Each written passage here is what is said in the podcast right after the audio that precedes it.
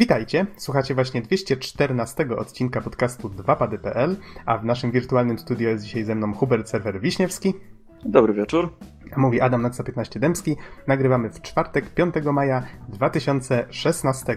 I w tym odcinku skupimy się na jednej konkretnie serii. Mamy ku temu całkiem fajną okazję, a konkretnie będziemy mówić o Personie. Czyli tutaj nasz naczelny fanatyk Persony, surfer już zaciera ręce. Dokładnie zacierasz tak. ręce? Zacieram bardzo mocno. I Znaczy, nagraliśmy- teraz trzymam akurat mikrofon, ale w wolnych chwilach zacieram. I jakoś tak na początku roku nie, nie patrzyłem dokładnie, zaraz mogę sprawdzić, kiedy te materiały powstały, ale to jest akurat mało ważne.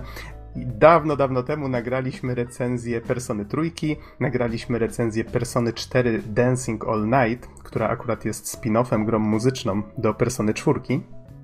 I właściwie te materiały nie miały jakiegoś takiego wyższego priorytetu, więc ciągle tak odkładaliśmy je na później, ale dzisiaj, dokładnie dzisiaj, 5 maja, tak jak już zresztą mówiliśmy na poprzednim e, odcinku, odbył się dzisiaj stream, na którym pojawiły się nowe informacje na temat Persony 5, na którą zresztą fani czekali ładnych kilka lat. I no, jest to bardzo fajna okazja, żeby właśnie zorganizować taki, taki łączony odcinek, związany tylko i wyłącznie z personą. I nim przejdziemy do tych recenzji, to Surfer, ty opowiesz trochę na temat właśnie tego streamu. Powiedz, co to takiego było, czego żeśmy się dowiedzieli. No dobra, więc y, dzisiaj odbyło się takie wydarzenie o nazwie Take Tokyo Tower, podzielone na kilka części, właściwie taki stream stworzony przez Atlusa, właśnie mający na celu troszeczkę przybliżyć y, Personę 5 i trochę nowych informacji. No i tak naprawdę było tego dosyć dużo, więc sobie zrobiłem całą taką stronę notatek. No i będziemy o tym mówić. Mm, Na początku był pre-show, który był dosyć dziwny, Dlatego, że w trakcie tego pre-show mogliśmy usłyszeć trzy nowe utwory i to było jak najbardziej fajne. Utwory mm, w troszeczkę innym stylu niż poprzednie części, bardzo mocno jazzowe i funkowe. Ale przez całą godzinę oglądaliśmy pan panoramy Tokio i Tokyo Tower, więc mm, to było to.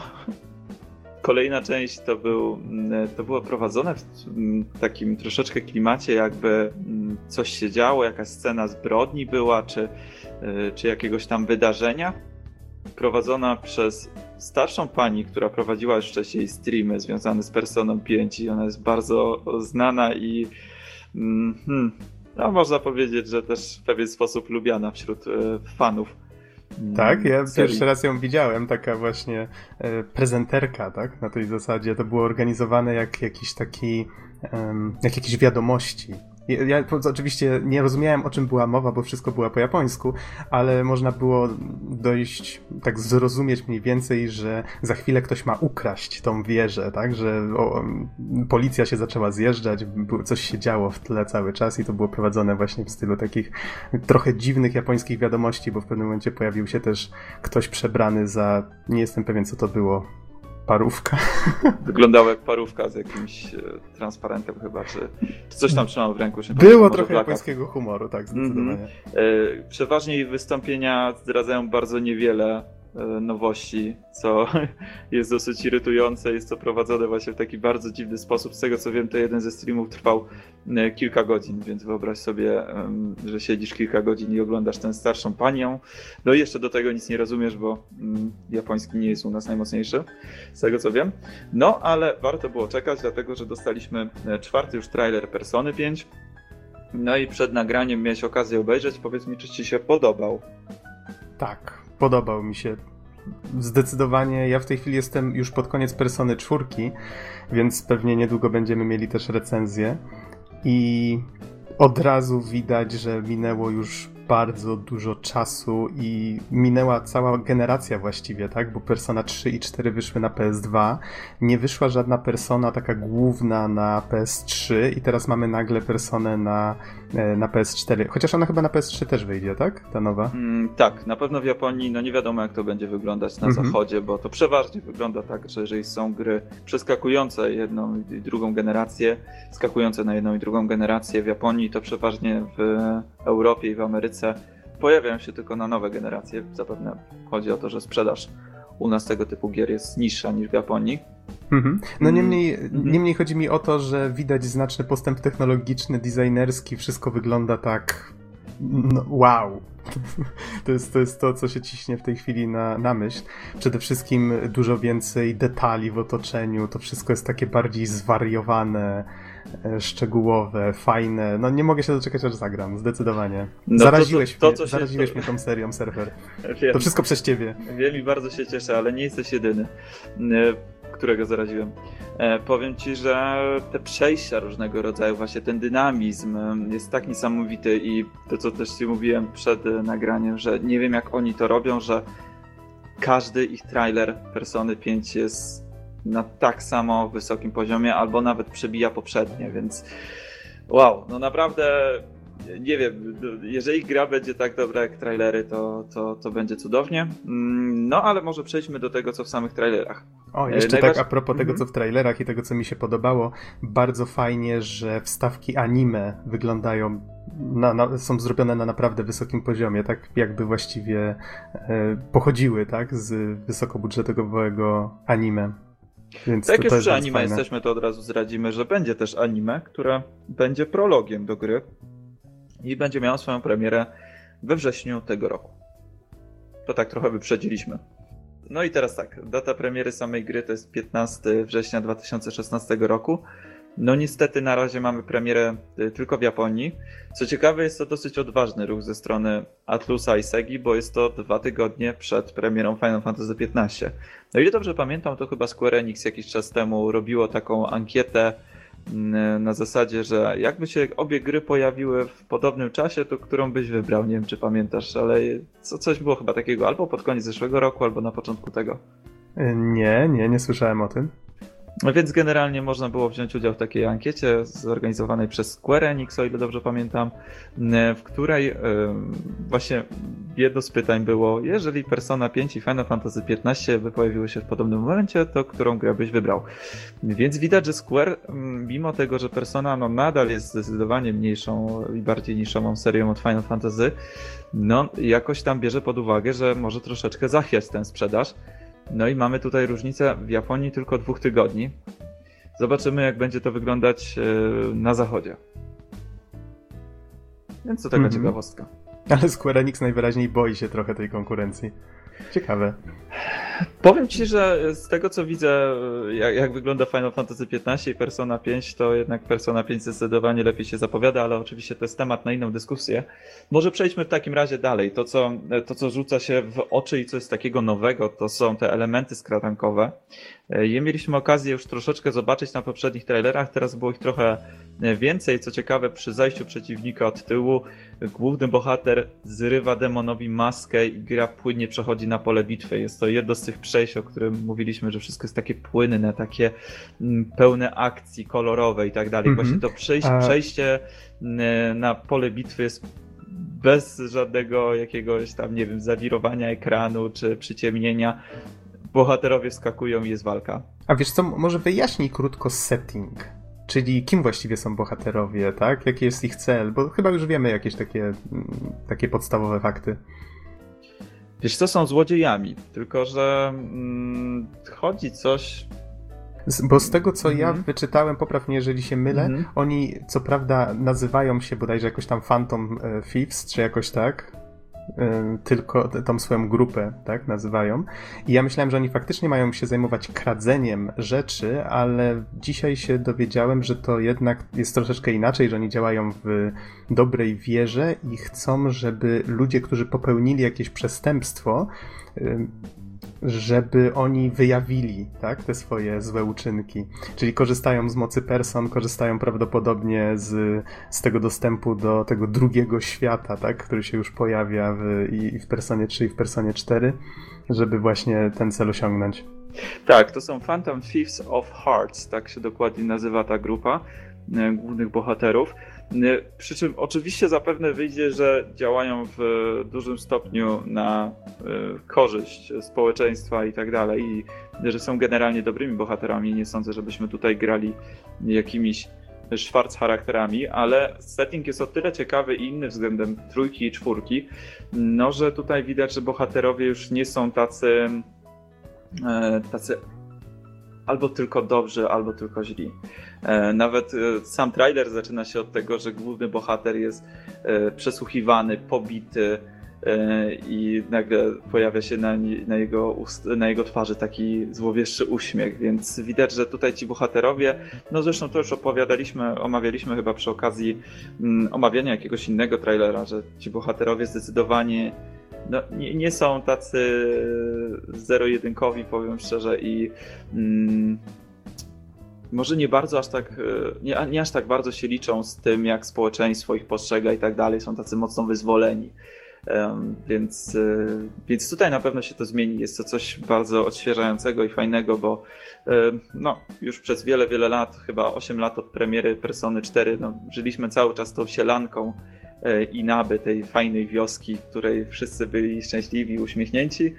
I nagle mamy takie, zobacz nawet jak wygląda to Tokio, że ono jest takie brudne, takie szare i tak dalej, więc e, no fajnie, jest to, jest to jakaś, jakaś taka konkretna zmiana.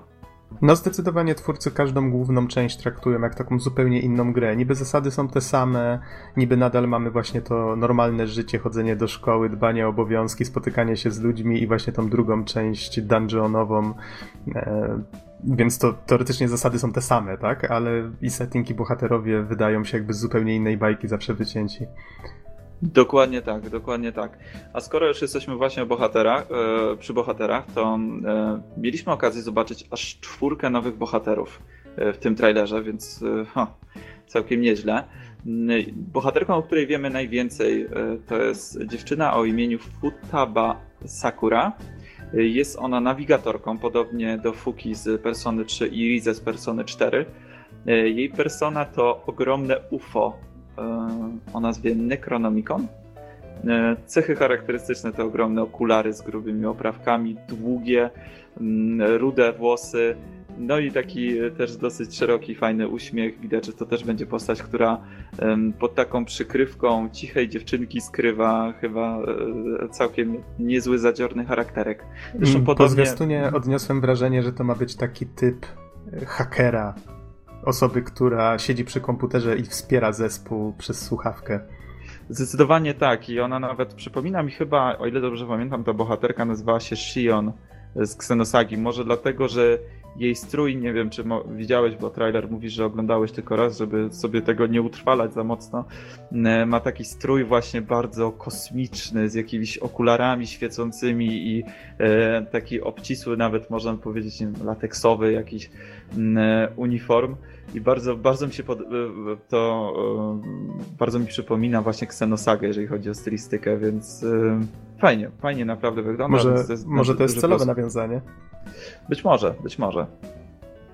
No i dobra, mamy kolejne, e, kolejne dwie bohaterki. Jedna to jest brunetka walcząca wręcz. E, co ciekawe, jej personą jest motocykl, więc mamy tutaj mm, trochę taką żeńską déjà... kalkę Snowa. Właśnie, mam vu z Final Fantasy XIII. Więc śmiali się, e, śmiali się ludzie na internecie, że jeżeli jej elementem będzie lód, to już w ogóle mamy takie e, bardzo konkretne odniesienie do Snowa, ale jest naprawdę fajna. Z początku jak zobaczyłem właśnie po raz pierwszy ją, tylko e, jakiś tam urywek trailera, mm, to wydawało mi się, że to jest taka trochę nijaka postać o nijakim designie, ale widać, że i mimika jej twarzy, i zachowanie, i, i to jak się prezentuje w ruchu jest super, więc no naprawdę obok Ani, czyli blondynki znanej z poprzednich trailerów, no jest to według mnie jedna z naj, najfajniej zapowiadających się e, bohaterek. E, kolejna jest dziewczyna z kręconymi brązowymi włosami, walcząca toporem. E, jej broń palna to jakiś rodzaj shotguna. Jest ubrana jak. Hmm, na pewno y, jest jakieś nawiązanie do Francji, prawda? Bo taki strój, powiedzmy, troszeczkę jakby muszkieterowie. Jak ja bym powiedział bardziej. Słucham? Jak taka Catwoman trochę. Mówisz o tej w czerwonym stroju, tak? Nie, nie, nie. Mówię o tej nowej bohaterce, która y, po swoim ataku specjalnym y, siedziała z filiżanką herbatki. Było takie ogromne adio. Okej, okej, okej, tak, rozumiem. To, to jest ta bohaterka, to jest też jedna z nowych, nowych bohaterek. No i mamy jeszcze ubraną, ubranego w szarą marynarkę chłopaka, o którym nam na ten moment nie wiemy zupełnie nic. Yy, można jego twarz zobaczyć tylko na oficjalnym arcie.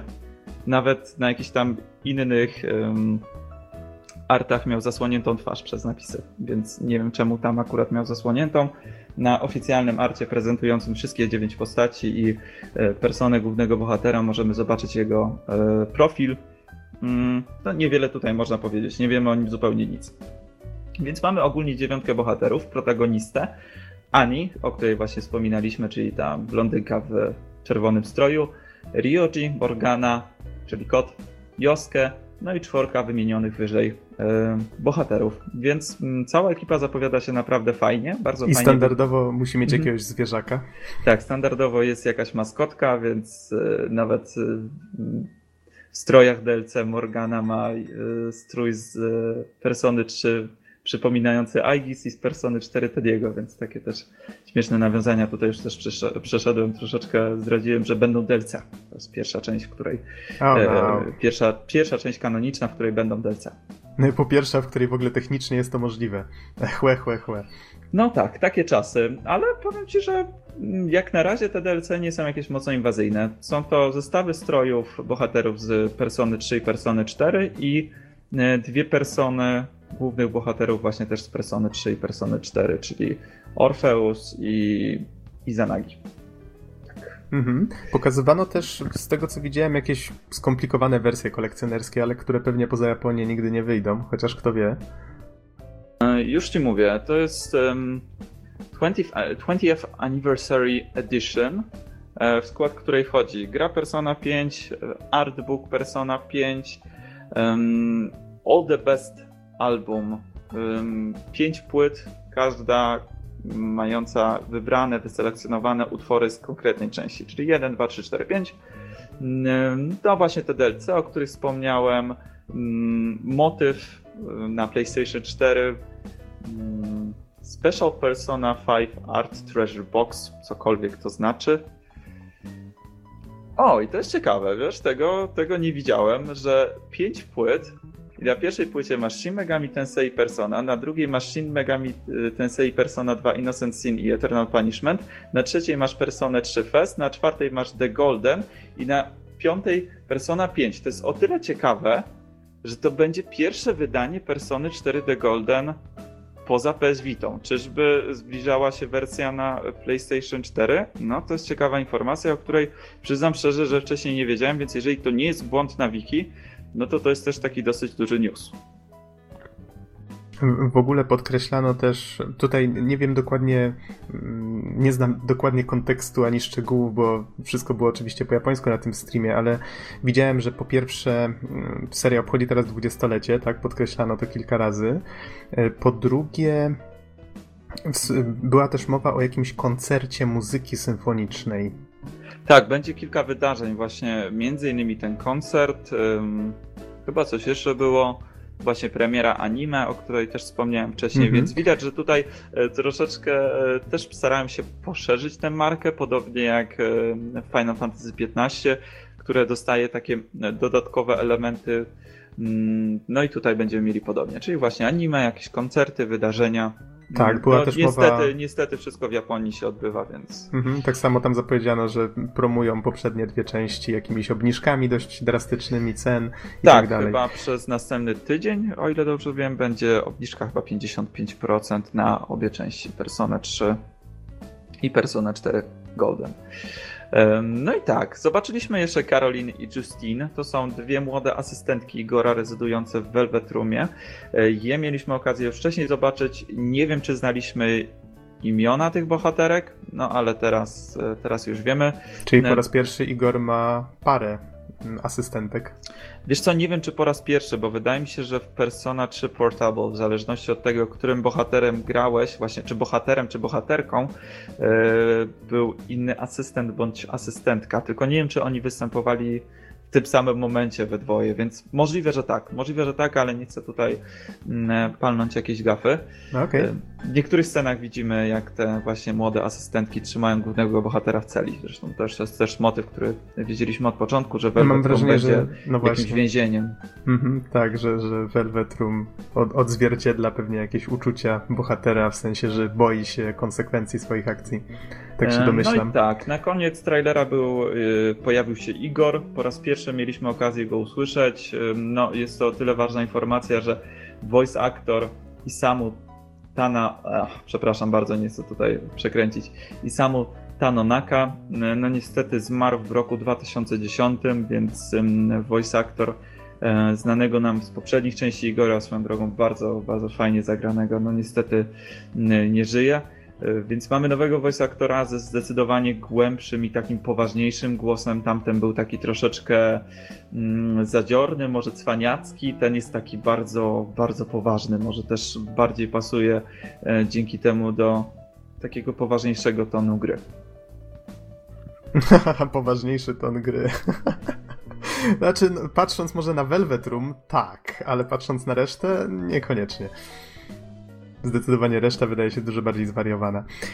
Znaczy tak, ale wiesz, wydaje mi się, że z jednej strony będzie bardziej zwariowane i bardziej dynamiczne to wszystko, no bo też troszeczkę technologia na to po, pozwala teraz, żeby no przekazać nie, nie. pewne rzeczy w inny mm -hmm. sposób.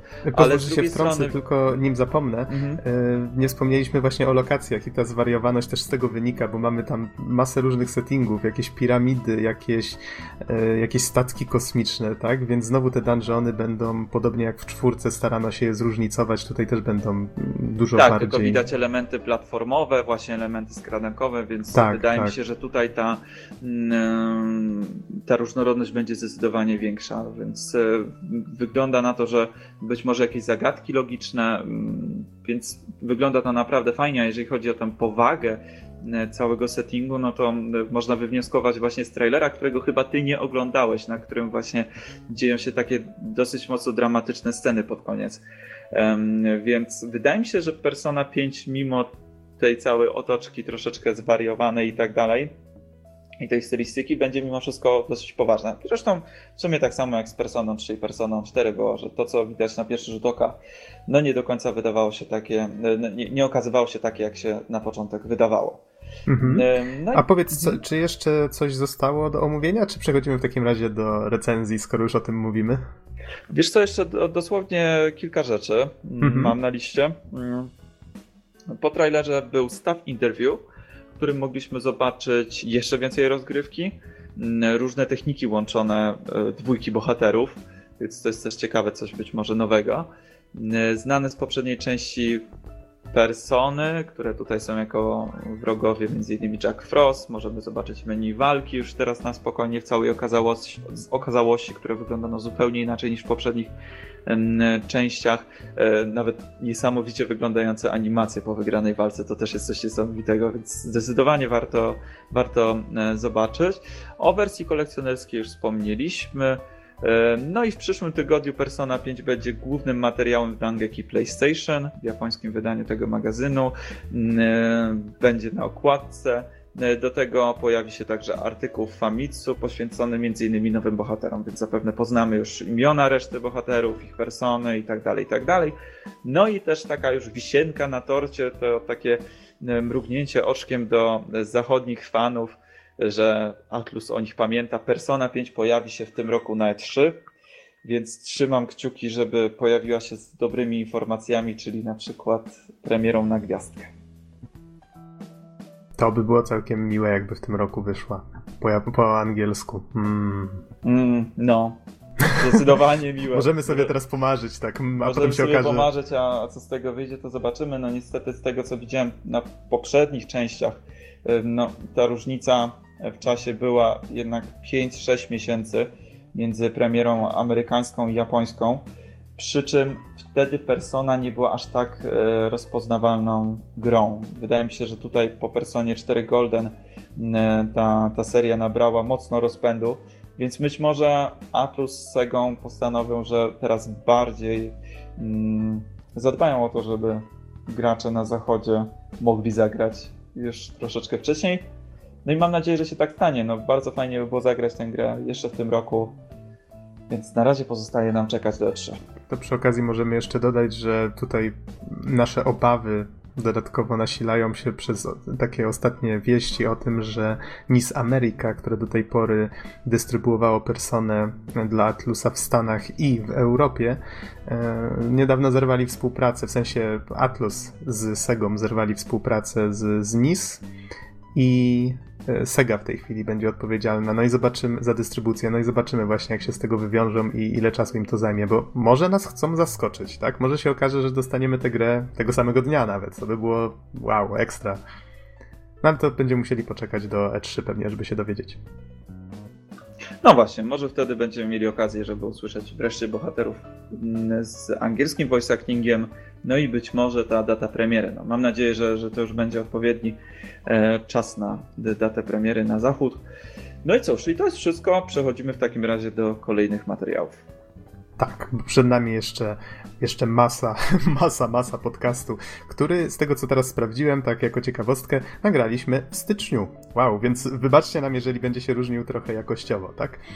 E, więc zapraszamy Was teraz na recenzję Shin Megami Tensei Persona 3 FES z PS2, a zaraz potem recenzja Persona 4 Dancing All Night na PS Vita.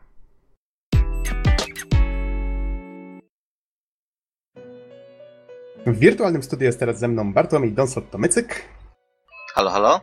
I Hubert Surfer Wiśniewski. Dlaczego ja zawsze jestem ostatni? Ojej, tak alfabetycznie wyszło, no. czuję się pokrzywdzony. W nowym roku chyba musimy robić od końca. Dobrze, następnym razem będziesz pierwszy, ok? No, zapamiętam. Dobrze, tak będzie. E, a mówi Adam Noxa 15 Dębski. Nagrywamy w niedzielę 3 stycznia 2016. Ach, dobrze, że się nie pomyliłem przy roku, bo to tak łatwo na początku. I będziemy teraz mówić o grze Shin Megami Tensei Persona 3 w wersji FES. To się z tego, jak się orientuję z wiki, FES wzięło się od Festival. Tak, tak oznaczono właśnie kolejną wersję gry. I już patrzę właśnie, co tutaj ciocia Wikipedia mi więcej podpowie. E, gra wyszła pierwotnie na PlayStation 2, potem ukazała się też na PlayStation Portable, chociaż ja grałem na PlayStation 3 w wersję kupioną na PSN-ie. Po prostu emulowaną w taki sposób, że tak jakby się grało na, na PS2. E, swoją premierę miała w 2006 roku. Z kolei wersja FES, w którą grałem, widzę, że ona w Japonii ukazała się w 2007, a u nas w 2008. No, czyli trochę lat na, na karku już, już gra ma. I akurat ta, dokładnie ta wersja, w którą grałem na PS3, ona się na PSN ukazała w 2012. I czym właściwie gra została stworzona i wydana przez Atlusa, firmę, która w sumie znana jest z różnych e, JRPG-ów, zwłaszcza z serii Shin Megami Tensei. Jest to moje pierwsze zetknięcie z Personą. Surfer mnie bardzo, bardzo długo namawiał, żebym się w końcu zainteresował tą serią. I no właśnie, jakie tutaj coś do, do, Dosyć mocno indoktrynowałem, wiesz, zresztą nie tylko ciebie, naszą, naszą wspólną koleżankę też zaraziłem, a już tak jak mówiłem przy poprzednim materiale, że e, grając Izim w Persona 4 Dancing All Night, e, którego recen której recenzja prawdopodobnie pojawi też się w tym odcinku i Izzy się tak nakręcił, że aż musiał e, sobie sprawić soundtrack do Persony 4, po prostu zakochał się w muzyce, więc na szczęście uda udaje mi się zarażać ludzi troszeczkę tą serią i jest to dla mnie coś bardzo fajnego. Mam nadzieję, że mhm. ostatecznie e, Persona 3 Ci się podobała, no ale o tym oczywiście opowiemy Ach, nie będę wyprzedzał faktów. No oczywiście. Nie będę wyprzedzał faktów, tylko powiem, że nie, nie, mówmy może o tym, co jest albo nie jest w tym odcinku. Teraz nagrywamy, mamy nowy zwyczaj, nagrywamy wszystkie materiały osobno, więc tak jest zaplanowane, ale czy tak ostatecznie będzie, to może być różnie. Przechodząc do persony. Dla uproszczenia mówmy po prostu persona trójka. Mianowicie czym, gdyby tak próbować podsumować w jednym zdaniu, czym ta gra właściwie jest. I tak żartobliwie trochę doszedłem do wniosku, że jest to takie połączenie symulatora randkowego z dungeon crawlerem. Chociaż wydaje mi się, że brzmi to tak trochę hmm, jakbyśmy robili tej grze krzywdę. No ale za chwilę, za chwilę trochę więcej na ten temat powiem. Fabuła gry zaczyna się dość tajemniczo. Pojawia się plansza, na której jest napisane, tutaj przetłumaczyłem sobie to na polski, nie wiem czy w pełni poprawnie, że czas nigdy nie czeka. Wymierza wszystkim równo do samego końca i ty, który zamierzasz ochronić przyszłość, jakkolwiek ograniczona by ona nie była, zostanie ci dany jeden rok. Idź bez wahania z sercem za przewodnika. I tutaj właśnie to zostanie, zostanie ci dany jeden rok i, i właśnie to o tej walce o przyszłość i tak dalej, to wszystko brzmi tak bardzo tajemniczo. Widzimy młodego człowieka, który idzie ze słuchawkami na uszach przez miasto. Um, widzimy jakąś młodą dziewczynę, która jak się przynajmniej początkowo wydaje, próbuje popełnić samobójstwo, strzelając sobie w głowę. Innymi słowy, jesteśmy bombardowani różnymi obrazami, taką młodzieżową muzyką. Wszystko tworzy taki dziwaczny klimacik. Potem świat się zmienia, niebo robi się zielone i, i właśnie bohater wkracza w jakiś taki dziwny, mroczny świat. Więc początkowo zupełnie nie wiemy o co chodzi i, i co tak się właściwie dzieje. Akcja gry dzieje się w Japonii, jak nie trudno się domyślić, w fikcyjnym mieście, które się nazywa Iwatodai. Chociaż można się domyślić, że jest po prostu mm, inspirowane Tokio. Nasz bohater to jest taka, taka wydmuszka, tak? Możemy mu nadać imię. gra twierdzi, że jesteśmy studentem na wymianie, czyli to jest takie, takie wygodne, że okej, okay, jesteśmy graczem z dowolnego miejsca na świecie, trafiamy do Japonii tam jesteśmy wrzucani w jakiś wir wydarzeń. mamy co prawda narzucony wygląd. Wiem, że w wersji na PSP bohaterem może, możemy grać postacią kobiecą, tak? Czy możemy wybrać, czy gramy bohaterem, czy bohaterką. I bohater odkrywa z czasem u siebie, że może przyzywać coś takiego jak personę. I persona to są w świecie persony. Persony to są takie stwory, coś w rodzaju takich mrocznych Pokémonów, nazwijmy to w ten sposób dla uproszczenia. I każda persona, każdy taki stwór jest w pewnym sensie odzwierciedleniem charakteru osoby, która go przyzywa. Czyli każda osoba ma taką jedną personę przynajmniej użytkownicy person, ci, którzy są świadomi tego, że te persony istnieją. E, z kolei nasz bohater jest o tyle niezwykły, że on potrafi tych person mieć bardzo dużo i może je przyzywać, może wybierać sobie, którą z nich przyzwie. Tutaj od razu mamy ta, taki motyw tego, że jesteśmy w jakimś tam sensie wyjątkowi. I trafiamy do grupy osób, które są świadome właśnie tego, że, że posiadają te persony, przyzywają je za pomocą tak zwanych ewokerów, E, Evokers.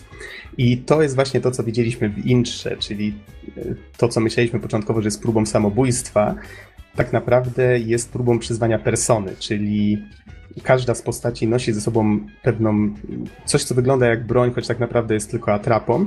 I za pomocą tego pistoletu wykonując właśnie taki gest, jakby strzelali sobie w głowę, co początkowo, no póki się człowiek do tego nie przyzwyczai jest dość makabryczne, przynajmniej się takie wydaje, tym gestem przyzywają właśnie persony, żeby ich wspomogły w walce. No i ta grupa osób walczy z tak zwanymi cieniami, czyli mamy tu wątek tego, że poza tym światem, który widzimy, jest jeszcze drugi świat, gdzieś taka druga warstwa tego świata, w którym żyją e, in, dziwne istoty, cienie i że one w jakiś tam sposób zagrażają e, normalnym ludziom. I tu pojawia się wątek tak zwanej dark hour, mrocznej godziny, która istnieje między północą a północą. Czyli w momencie, kiedy wybija północ, wszystkie osoby, które mm, nie są świadome, że, posiada, że posiadają personę, one zamieniają się w trumnę i po minięciu tej godziny zupełnie nie zdają sobie sprawy z tego, że cokolwiek się stało, tak? A z kolei użytkownicy person mogą wkroczyć w ten dziwny świat, który przez tą jedną godzinę istnieje i mogą go zwiedzać. No i nie muszę tutaj oczywiście chyba dodawać, że panoszą się tam potwory, więc nie jest to bezpieczne miejsce. E, I fabularnie, żeby jeszcze mm, za dużo może nie zdradzać, wymienię kilka postaci właśnie z tej grupy, do której należymy. E, jest taki akademik, który jest ich jest ich bazą wypadową w pewnym sensie i mieszka w nim no, mniej lub bardziej sztampowe postacie, ale większość z nich sympatyczna, dająca się lubić. Mamy tutaj na przykład ładną koleżankę z klasy, która się nazywa Yukari, jest Junpei, czyli taki kolega Bumeland, e, jest Mitsuru pochodząca z bogatej rodziny, czy mm, Akihiko, czyli taki bokser, który ma powodzenie u dam. I to wszystko są uczniowie liceum, a przynajmniej tak się można z gry domyślić. Więc tutaj pierwsza rzecz, która z reguły mnie w takich właśnie e, anime czy, czy grach odpycha, czyli jak bohaterowie są umiejscowieni e, w szkole średniej, tak? Bo to jest taki tak pojawiająca się często w japońskich tworach sztampa. No ale przyznam szczerze, tutaj jakoś, jakoś mnie to nie odrzuciło, nawet pasuje to do historii, o czym, o czym jeszcze no, będę mówił. Słuchaj, Noksiu, to może mhm. wtrącę szybko no dwa słowa, bardzo. skoro jesteśmy przy postaciach, że powiedziałeś, że główny bohater jest taką wydmuszką. E, tutaj oczywiście masz rację, szczególnie z początku to e, zdaje nam się, że właśnie tak jest, bo bohater jest niemy, tak naprawdę możemy się mocno w niego wczuć, przy czym e, z czasem okazuje się, że nie do końca tak jest, że to nie jest postać, która jest tylko naszym awatarem i biernie bierze udział w wydarzeniach, że z czasem okazuje się, że jest to jedna z najważniejszych postaci, więc nie wiem, czy będziesz o tym wspominał później, ale tutaj oczywiście chciałem to zaznaczyć. No i oczywiście to, co powiedziałeś już o samym settingu i postaciach, że to wszystko jest sztampa, tylko tutaj już może trochę tak uogólnie, że Atlus potrafi jakoś te typowo sztampowe i takie wydawałoby się na początku niezbyt ciekawe postacie e, czy setting zrobić na tyle ciekawie, że okazuje się, że po kilkunastu minutach grania już się czujesz po prostu jakbyś ty uczęszczał do tej szkoły i zdał tych ludzi i tak dalej. Przynajmniej ja miałem takie wrażenie tak naprawdę w każdej grze z serii Persona, więc to, to jest naprawdę ciekawe, bo e, sam jakimś wielkim fanem anime i tak dalej nie jestem, więc jest to dla mnie dosyć wyjątkowe, że e, cały ten setting i i klimat właśnie takiej muzyki od-popowej, czy tego japońskiego rapu połączony z życiem szkolnym i z takimi dosyć mocno sztampowymi postaciami jednak jakoś daje radę. No i wydaje mi się, że chyba twoje zdanie jest podobne w tej kwestii, prawda? Mhm, to znaczy, może podam przykład. Jak pojawia się Junpei po raz pierwszy, ten, ten właśnie kolega Bumeland, jak go określiłem, spotykamy go w klasie, to miałem wrażenie, hmm, on prawdopodobnie będzie takim typowym e, comic reliefem, jak to się mówi, tak? Czyli będzie rzucał żartami, będzie rozluźniał napięcie i po części jest to prawda, ale muszę przyznać, że z biegiem czasu była to chyba jedna z postaci, z którymi najłatwiej było mi się utożsamić. Bo on był taki taki typowy student, który nie lubi się zbytnio uczyć. Jak wszyscy się uczą przed egzaminem, to on na przykład gra na konsoli albo, albo coś, czyta, no, zajmuje się wszystkim, tylko nie tym, czym powinien, tak? I ja w pewnym momencie stwierdziłem, że kurde, ja mam z tym gościem tak wiele wspólnego. Wiesz, ale tak naprawdę o każdej postaci można by było tak powiedzieć, tak, że ona tak, z tak. początku ja wydaje się e, taka, że okej, okay, już wiem, kim tak naprawdę ta postać będzie, a później okazuje się, że jest zupełnie inaczej i to też nie jest żadna nowość serii. To w każdej chyba e, części było właśnie w taki sposób zrobione, że te postacie były umiejscowione w jakiejś tam swojej sztampowości i typowości względem innych gier e, z podobnego gatunku właśnie simowych czy, czy z anime tego typu, a później nagle się okazało, że nie dość, że te postacie są naprawdę mają głębokie jakieś swoje przemyślenia, czy historie i tak dalej, to jeszcze, że jakoś choroba tak się udaje im to zrobić, że naprawdę ciężko jest nie lubić tych bohaterów. Że mhm. naprawdę te postacie są kimś dla nas bardzo ważnym. Ja przynajmniej miałem takie wrażenie, że są to prawdziwe osoby, o których relacje naprawdę powinienem dbać i, i, i czułem się jak najlepiej właśnie z nimi przebywając i tak dalej. I tutaj to nie chodzi nawet Skoro już tylko... zacząłeś mówić o tych relacjach, no ale to może dokończ myśl. E, no właśnie, to już pewnie przejdziesz do social linków, czyli tak, tego, tak. że e, relacje mamy nie tylko z głównymi bohaterami, ale także z innymi e, uczniami czy innymi mieszkańcami miasta i tak dalej. Więc nagle zaczyna coraz bardziej na tym zależeć. Ale dobrze, w takim razie może ja nie będę tutaj za bardzo wyprzedzał, mhm. sobie na spokojnie prowadź dalej. No tylko chciałem trochę wspomnieć właśnie o tym, co wracając, ja o bohaterach. Wracając do tej szkoły, o której też już wspomniałeś to jest właśnie zabawne, że grasz w grę już, o, skończyłem studia, super, okej, okay, zagram sobie w grę, w której wrócę do liceum. To brzmi jak cudowny pomysł na spędzenie wolnego czasu. E, czyli tak, uczęszczamy na te lekcje, zada... one są oczywiście przyspieszone, czasami są jakieś fragmenty tych lekcji, takie, taki dość humorystyczny sposób pokazywany, powiedzmy jakaś lekcja matematyki, gdzie nauczycielka jest, e, ma wręcz świra, tak, na punkcie liczb i innych tego typu rzeczy, więc jest to wszystko odpowiednio przerysowane. Czasami jest nam zadane jakieś pytanie, z takiej autentycznej dziedziny, powiedzmy, naukowej, w rodzaju coś tam policzyć albo, albo coś, można naturalnie bez problemu znaleźć w sieci odpowiedzi na jakieś trudniejsze pytania w rodzaju, jak jest chleb po japońsku, albo, e, albo jak czegoś na przykład nie wiemy z historii Japonii, tak, bo takie pytania też się zdarzają. Bez problemu można to w sieci znaleźć. Ja oczywiście ściągałem bez opamiętania czasami. Jak w życiu. E, nie, żartuję, nigdy nie byłem dobry w ściąganiu. E, i mamy powiedzmy jakieś, mm, jakieś z takich ciekawszych rzeczy, na przykład lekcje o historii magii i wierzeń na świecie. W pewnym momencie gry się pojawia coś takiego i to jest o tyle zabawne, że jest dość mocno związane tak z samą tematyką gry. I akurat są to najdłuższe lekcje. Większość z nich można przespać, co pozwala nam przewinąć, że szybciej, mm, szybciej przechodzimy do gry właściwej, tak? E, ale a propos gry właściwej. Symulator cały... Noxa właściwie.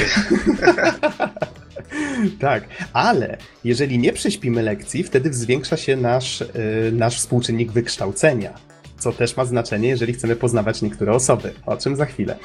Y, gra w każdym razie podzielona jest i właśnie na taką nowelkę, i druga jej część to jest Dungeon Crawler, o którym troszeczkę później. Właśnie ta część na lekcjach, ta część po lekcjach, to jest właśnie ta część nowelkowa. Co prawda, możemy się w jej trakcie poruszać postacią po jakimś tam środowisku 3D. Jest to już po lekcjach szkoła, możemy z tej szkoły wyjść, możemy e, przejść powiedzmy do domu handlowego, możemy rozmawiać z różnymi postaciami. E, gra czasem pozwala nam wybierać opcje dialogowe, ale jest to dość rzadkie i jeszcze rzadziej ma jakikolwiek wpływ na cokolwiek. Zdarzało mi się powiedzmy powtórzyć jakiś fragment, wybrać zupełnie inną opcję i po dwóch, trzech zdaniach właściwie wszystko wychodzi na to samo, tak? Po prostu postać dziecko inaczej reaguje na początku. Mm, chociaż zdarzają się w grze wybory, które mają znaczenie, więc warto o tym pamiętać i raczej tego nie ignorować. E, tak jak wspomniałem, po lekcjach możemy pójść powiedzmy do domu handlowego, możemy tam kupować przedmioty, które nam się przydają później w trakcie Dark Hour, czy to na przykład jakieś przedmioty użytkowe w aptece, czy broni pancerze w komisariacie. Jest taki policjant, który co prawda Dark Hour nie widzi, ale już nie wiem w jaki sposób, ale został przekonany, że ta grupa dzieciaków robi coś bardzo ważnego i dlatego będę im sprzedawał ten, e, te ciężkie zbroje, tak? Będę im przemycał. Na początku wydawał mi się to całkiem fajny wątek, żałowałem, że go nikt dalej nie pociągnął, tak? Taki skorumpowany glina albo coś w tym rodzaju. E, czy możemy kupować jakieś akcesoria jubilera, tego typu rzeczy możemy też rozwijać przez wszystkie aktywności po lekcjach, możemy rozwijać i swoją postać, i personę, którą mamy akurat wyekwipowaną. No, a jak wspomniałem, postać może się między nimi przełączać nasza. I możemy w ten sposób wpływać na kilka y, statystyk. Jest to wykształcenie, odwaga i urok osobisty. Akurat te trzy mają wpływ tylko i wyłącznie na te nasze dzienne aktywności, czyli na poznawanie różnych osób. I możemy je rozwijać albo na przykład udzielając się na lekcjach, albo stwierdzając, że okej, okay, przed snem się trochę pouczę, zamiast pójdę spać, jeżeli pójdę spać wcześniej, to na przykład postać będzie y, pełna sił i następnego dnia będzie można na przykład dłużej przebywać w Dark Hour. E, możemy chodzić do kina na horrory, żeby zwiększać odwagę, albo pić w jakichś znanych kawiarniach, żeby, żeby zwiększać urok osobisty i tak dalej. E, możemy też na przykład chodzić na automaty, na karaoke, jest kilka takich opcji, które pozwalają nam zwiększać statystyki aktualnie wyekwipowanej persony. I to na przykład jest siła, magia, wytrzymałość. Y, jeszcze do tego przejdę, ale to jaką mamy aktualnie wyekwipowaną personę daje naszej postaci konkretne statystyki. Czyli nasza postać pamięta tylko, że ma powiedzmy konkretną y, liczbę punktów mm, HP i SP, czyli powiedzmy magii i zdrowia, a cała reszta jest już zależna od tego, jakiego stworka akurat mamy wyekwipowanego. Więc to jest dość ciekawe i wpływa fajnie na strategię. Wiesz, e, warto wspomnieć o tym, że chyba, ile dobrze pamiętam, e, postacie się oddzielnie levelują, prawda, od person. Mm, tak, tak, to się Więc zgadza. Więc e, jest ten podstawowy level, który nadaje jakiś tam statystyk podstawowych bohaterowi, ale tak naprawdę większość naszej mocy e, jest podpięta, że tak powiem, przez aktualną personę, więc to jest dokładnie to, o czym mówiłeś, ale warto wspomnieć o tym, że e, te levele nie idą ze sobą w parze.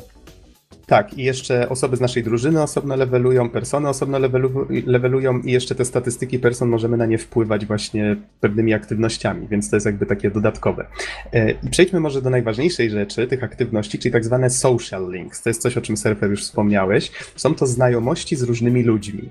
I gra bardzo fajnie, tak troszeczkę metaforycznie, troszeczkę dosłownie mówi, że taką najważniejszą rzeczą, e, największą siłą naszą wewnętrzną, tak, jako ludzi jest jest poznawanie innych osób, jest przyjaźń, miłość i, i tak dalej. I te social links, one są powiązane z kartami Tarota, które też mają w tej mitologii gry dość duże znaczenie. I powiedzmy, że poznajemy jakąś nową osobę. Czy to kolega z klasy, który uwielbia biegać, albo powiedzmy jakaś koleżanka, która się nam podoba, e, albo, mm, albo jakaś powiedzmy starsza osoba, która lubi przesiadywać w klubie co wieczór i tak dalej i tym podobne. To są bardzo różne postacie. Chyba w rozwijanych wersjach gry tam w Fezie pojawiły się chyba jakieś nowe social linki. Nie jestem pewien, nie rozróżniam tych kolejnych wersji, czy tam na PSP może też są jakieś różnice.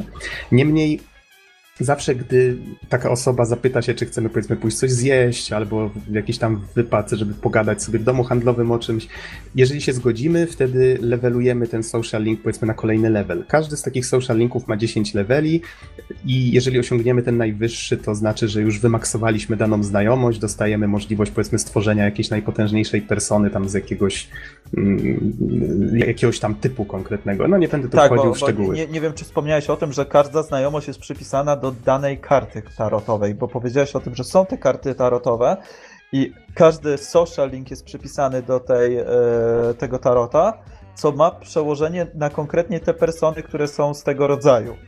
E, więc mm-hmm, tu, tu jest bezpośrednie połączenie między, między systemem właśnie walki, a systemem e, tego, tego social link. Tak, i to co jest ciekawe, to to, że każda z tych postaci ma taką swoją krótką, ale ciekawą historię, którą poznajemy po kawałeczku, właśnie za każdym razem się z nią spotykając. I to nie jest tak, że każde spotkanie automatycznie leveluje o jeden level ten social link i daje nam tą scenkę, na której nam zależy, tylko czasami się zdarza, że musimy powiedzmy spotkać się z daną osobą kilka razy, albo poczekać na odpowiedni moment, kiedy ona sama się zapyta, czy słuchaj, mam ważną sprawę, czy mógłbyś dzisiaj porozmawiać, i wtedy wiadomo, że to, to spotkanie będzie tak istotne i, i od razu ten level wskoczy. I poznajemy, powiedzmy, no tak może podać kilka przykładów, żeby za dużo nie, nie zdradzać. Możemy się na przykład zapoznać z, z, młodym, umierającym człowiekiem, który wie, że jest chory na śmiertelną chorobę, albo właśnie z jakimś mnichem, który się w barze zapija i nie do końca wiadomo dlaczego. Każdą z tych postaci poznajemy i w pewnym momencie dowiadujemy się, co je motywuje, tak? Co sprawia, że one właśnie skończyły w ten sposób, albo co chciałyby robić w życiu. No, te, tego typu rzeczy. Każda z tych postaci jest na swój sposób inna. Podaj strasznie takie dołujące przykłady, więc może tak dla równowagi masz też oczywiście e, normalnych e, dzieciaków ze szkoły. Masz chłopaka, który uwielbia starsze dziewczyny i kocha się w nauczycielkach i pomagasz mu doradzając, czy masz postacie, z którymi wychodzisz gdzieś i dobrze się bawisz, więc to nie jest tak, że te social linki są tylko takie dołujące i negatywne, one właśnie są bardzo różne, tak jak, tak jak prawdziwe relacje z ludźmi w życiu, że jednym trochę współczujesz, drugich jakoś wspierasz radą, z trzecimi po prostu dobrze się bawisz, e, z czwartą osobą na przykład wiążesz jakąś przyszłość i, i chcesz się związać, więc oczywiście te relacje są bardzo różne, przekrój jest po prostu niesamowity e, i tych relacji jest e, od groma i, i są też mega humorystyczne, tak jak rozmawialiśmy mm-hmm. o tym to znaczy MMO. Jest ich, jest ich przynajmniej kilkanaście, tak, a z tym MMO to może mogę zaraz powiedzieć, bo niektóre znajomości zaczynają się w takich specjalnych okolicznościach, czyli nie jest tak, że mamy y, grupę osób, która stoi w konkretnym miejscu i okej, okay, to z kim by tu teraz zacząć znajomość? To tak wygląda w pewnym momencie, ale początkowo musimy na przykład trafić na jakąś odpowiednią okazję, czyli dowiedzieć się, że y, na przykład dana osoba pojawia się w danym miejscu tylko w konkretnym dniu tygodnia. No bo jak wspomniałem, mamy rok, żeby wykonać pewne zadanie w grze. I mamy kalendarz, wiemy dokładnie, powiedzmy, że danego dnia są egzaminy, albo że jest wolne od szkoły, albo coś innego. Możemy właśnie planować pewne wydarzenia z wyprzedzeniem, albo się umówić na przykład z kimś na niedzielę na wypad do, do domu handlowego i tym podobne. I właśnie wspomniałeś tutaj o MMO. W pewnym momencie jeden kolega daje ci, tutaj chyba od Junpeya się to dostaje, dostaje się od niego grę MMO. I ja przez całą grę zupełnie tej gry nie ruszałem. Nie było potrzeby, co nie? I w pewnym, w pewnym pewnego dnia stwierdziłem, a okej, okay, włączę to MMO i się okazało, że to zaczynało nowy social link z osobą, która grała po drugiej stronie kabla, tak? Tego typu rzeczy. A ta osoba na przykład po którymś levelu social linka mówi ci, że ktoś tam powiedzmy ją śledzi zawsze w domu handlowym w późnych godzinach, tak? W jakieś tam dni. Wiesz, o tyle jeszcze jest to śmieszne, że wszystkie dialogi między tobą a tą bohaterką z MMO są prowadzone w taki e, sposób właśnie typowego gadania w jakiejś grze online, że jest bardzo dużo emotek, jakichś takich e, takiego slangu internetowego i tak dalej, więc dla mnie to było mega humorystyczne. No i najbardziej humorystyczne jest oczywiście to, jak się już poznaje tę osobę, oczywiście tego nie będę mówił, ale, ale jest to zdecydowanie jeden z fajniejszych social linków, który naprawdę zapamiętałem. E, więc e, są tutaj naprawdę różne, różne sytuacje, i różne emocje, więc jest to naprawdę fajne. Jeżeli będziecie grali po raz pierwszy, domyślam się, że nie dacie rady wszystkich ich wymaksować. Ja przynajmniej nie dałem. Jest ich, surfer powiedział, że sporo. ponad chyba tak kilkanaście, może do 20 Wydaje do się, jestem że 14, pewien. ale zaraz sprawdzę. Chyba trochę więcej. Niemniej, y, niemniej, wspomniałeś tutaj o wiązaniu przyszłości i tutaj wchodzi ten symulator randkowy, o którym mówiłem, bo chociaż początkowo faktycznie możemy jakąś znajomość tak właśnie na zasadzie chłopak-dziewczyna e, randkową rozwijać, to gdy już rozwiniemy konkretną liczbę tych social linków, zdajemy sobie sprawę, że a, w sumie tyle innych dziewczyn tutaj jest, zacznę się spotykać z każdą po kolei i maksować te social linki. Co, co, co prawda myślałem, że to będzie jakieś konkretne konsekwencje może niosło za sobą, tak, ale co, czasami gra straszyła tym, że powiedzmy twoja dziewczyna się pogniewa, że spotykasz się z inną, ale jakoś za słabo to w tej części, myślę, pokazali. Mówiłeś, Surfer, że w czwórce to może e, dużo ciekawiej, mm, dużo ciekawsze mogą się reperkusje, tak?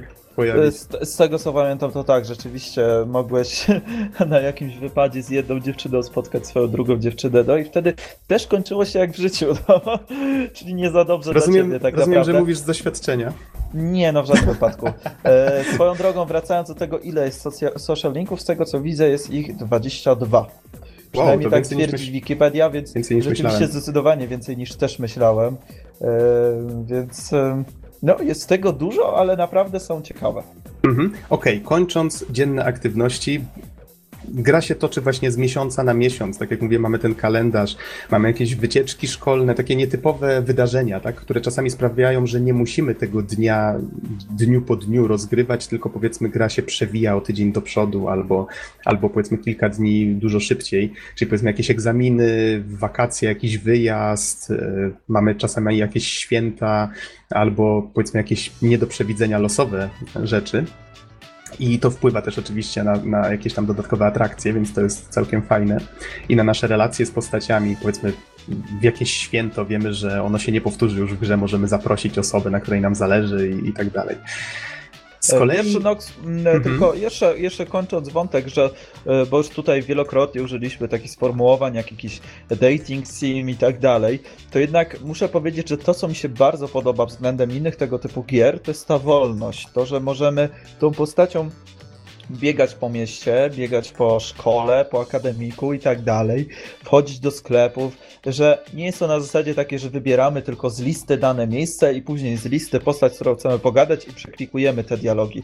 Mam wrażenie, że ta gra tutaj troszeczkę e, robiła krok przód w tym, e, w tego typu grach, w tego typu e, dziedzinie i dla mnie to było bardzo fajne. Właśnie to, że nawet można było sobie pobiegać po tym mieście, że można było wejść mhm. do kina, do sklepów, do kawiarni, e, do karaoke i tak dalej, że jakoś bardziej się czułem związany z tą grą i z całym tym miastem, z całymi tymi postaciami, które się przewijają, dlatego że po prostu widzisz ich na co dzień, że nie widzisz, e, tak jak tutaj e, porównanie oczywiście mam w głowie do Danganronpa, serii, która jest często porównywana do serii Persona, E, I tam e, już wspominałem kiedyś o tym, że nie, nie mogłem poczuć tej imersji, że e, nie mogłem poczuć tego, żeby zaczęło mi zależeć na postaciach i tak dalej. Dlatego, mhm. że tam są to takie zwykłe makiety 2D naniesione na, na tła, i nie masz możliwości żadnych interakcji z nimi. Tutaj widzisz te ich emocje i to, co robią na co dzień, po prostu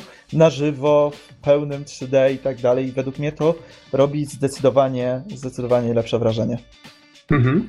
E, Okej, okay. znaczy wspomniałeś mi kiedyś, że wersja na PSP ma wybieranie z listy zamiast chodzenia po, po lokacjach tak? E, tak, tam chodzisz kursorem po prostu po, dwu, po prostu po mhm.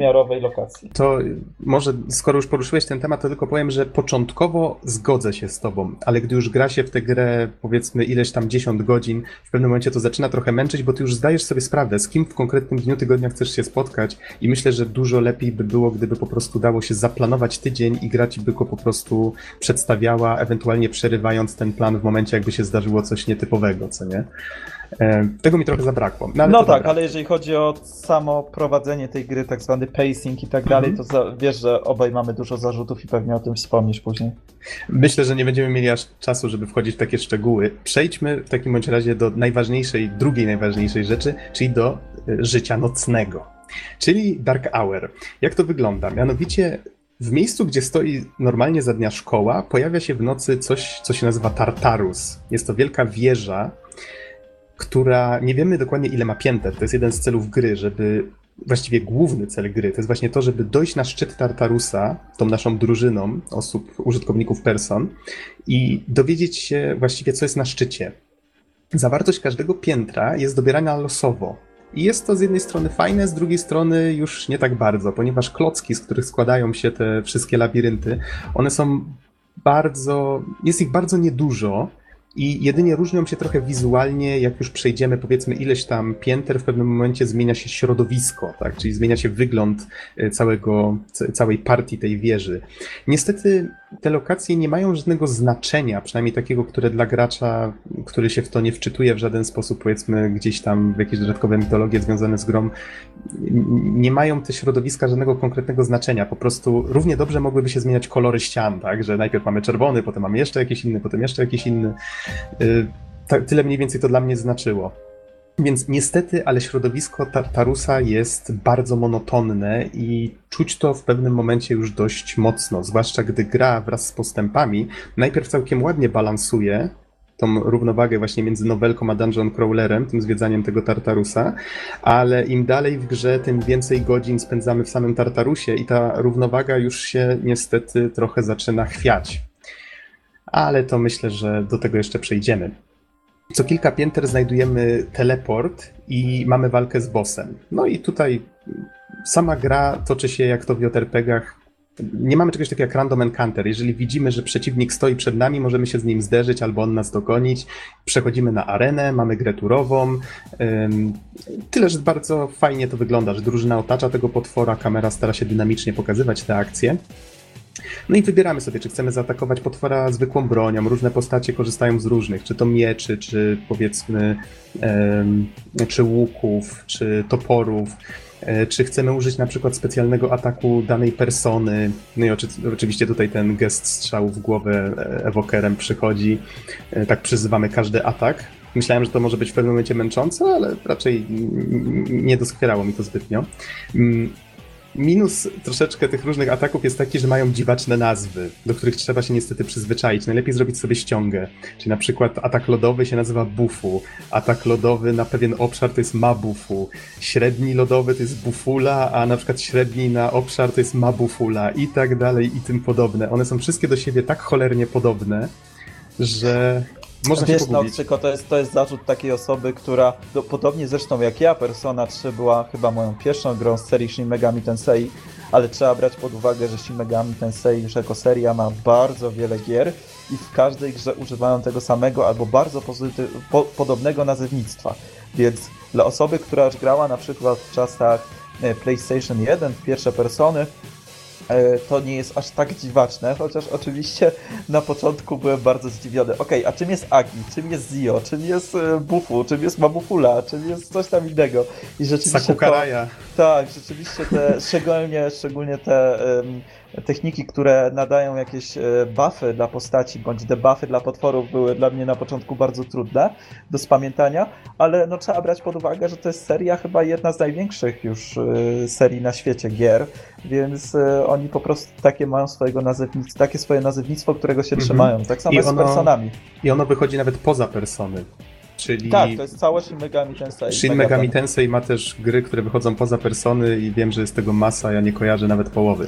Tak, właściwie to jest seria Megaten chyba, z tego co wiem. I tak samo persony, które... Jak, jak, jak? Jak to określiłeś? Seria Megaten. Megaten? To pierwsze tak. słyszę akurat. Mhm.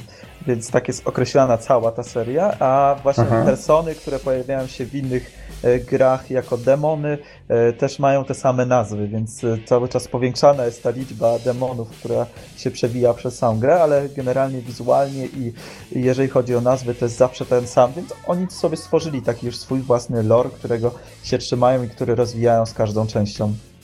Mhm. W każdym razie, a propos person, tutaj wchodzi właśnie kwestia taktyki, czyli my zmieniając te persony, zmieniamy statystyki i odporności swojej postaci. Czyli na przykład w pewnym momencie ma znaczenie, że dana y, persona jest w stanie zablokować zupełnie atak na przykład ognisty albo, y, albo lodowy, tak? Jesteśmy na niego zupełnie odporni totalnie, całkowicie, albo możemy go zaabsorbować i się wyleczyć w ten sposób. I w niektórych walkach jest niezbędne posiadanie konkretnego zestawu person, żeby się między nimi przełączać i przewidywać ataki albo, albo właśnie reagować odpowiednio na konkretne sytuacje.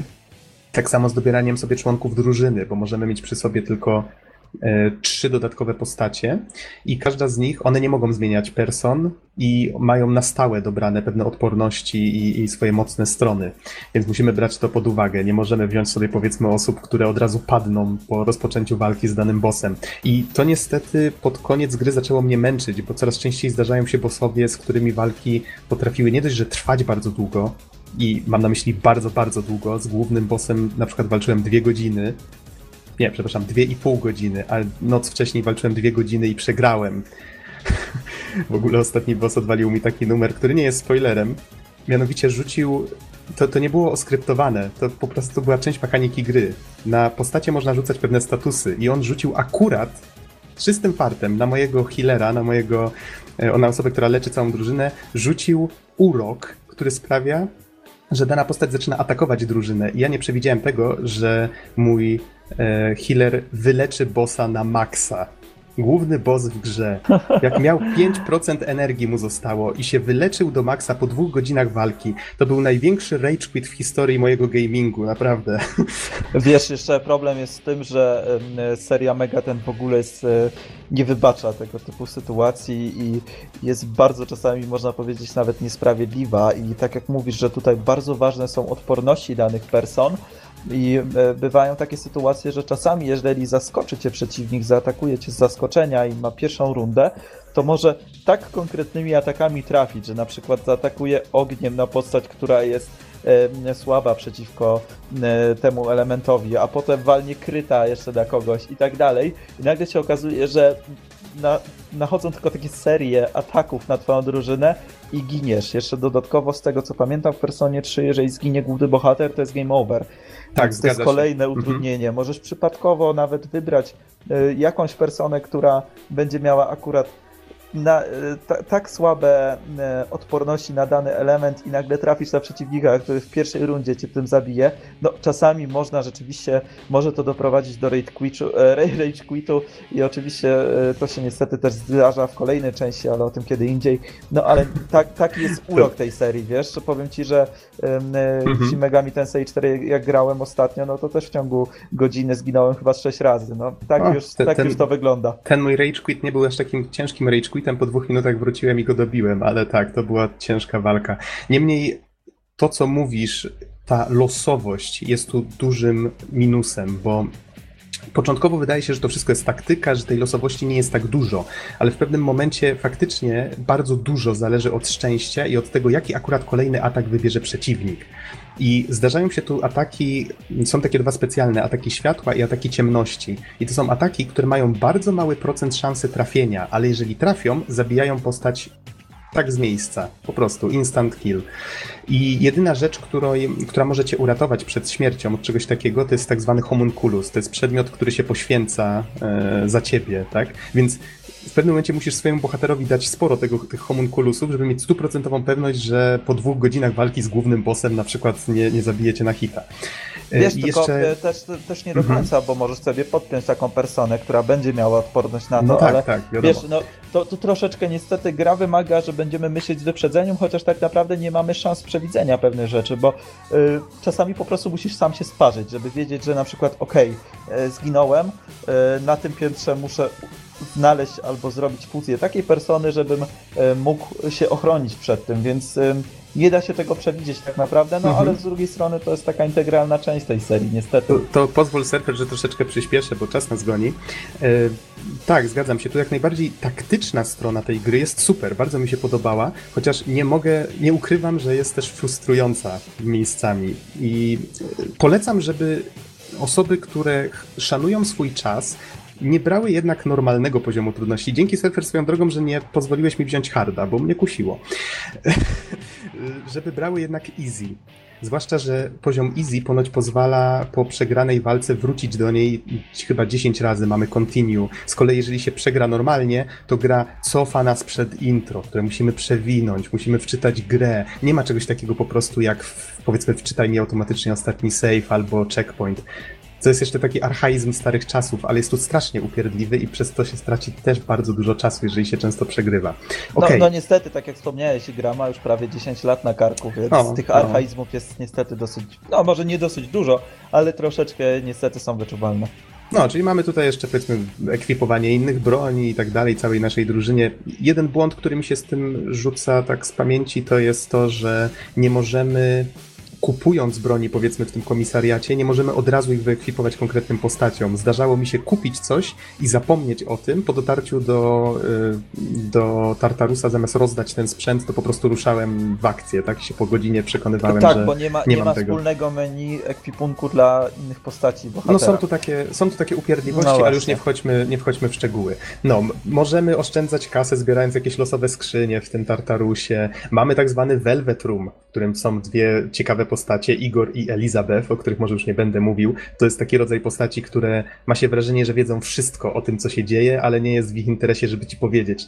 Tak, tak e, naprawdę. Dwa słowa tylko szybko, że Aha. Igor pojawia się w każdej części persony, Aha, więc jest taką okay. bardzo ważną e, postacią i zawsze ma swoje, swoją asystentkę bądź asystenta e, i one też się przewijają przez inne części i zawsze wspominają o poprzednich asystentach, więc to jest dosyć też fajne, więc mhm. są to takie postacie, tak jak cały ten lore o których wspominałem, że persony, czary i tak dalej, pewne utarte schematy, to tak samo Igor i asystent czy asystentka też zawsze się pojawia w personie.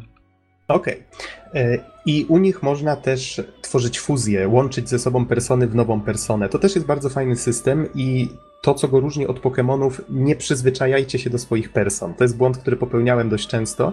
Wiem, że ćwiczycie je, levelujecie, rozwijacie i tak dalej. Nie warto lepiej je łączyć w silniejsze, nowe, które często mają dużo lepsze odporności, dużo fajniejsze ataki mają w pewnym momencie. Y, jedyne, do czego mogę się przyczepić, to to, że w pewnym momencie te, te fuzje tak, jest trochę upierdliwe. Mamy coś takiego jak kompendium, z którego może, w którym możemy zapisać stan swoich person, więc możemy je przywrócić w każdej chwili. To nie jest tak, że tracimy, po prostu płacimy troszeczkę i ona wraca w, takim w takiej samej formie, z tym samym levelem i tak dalej. No ale żonglowanie tym wszystkim jest trochę upierdliwe i też myślę, że menusy można dało, dało się tam zrobić trochę mm, przejrzyściej.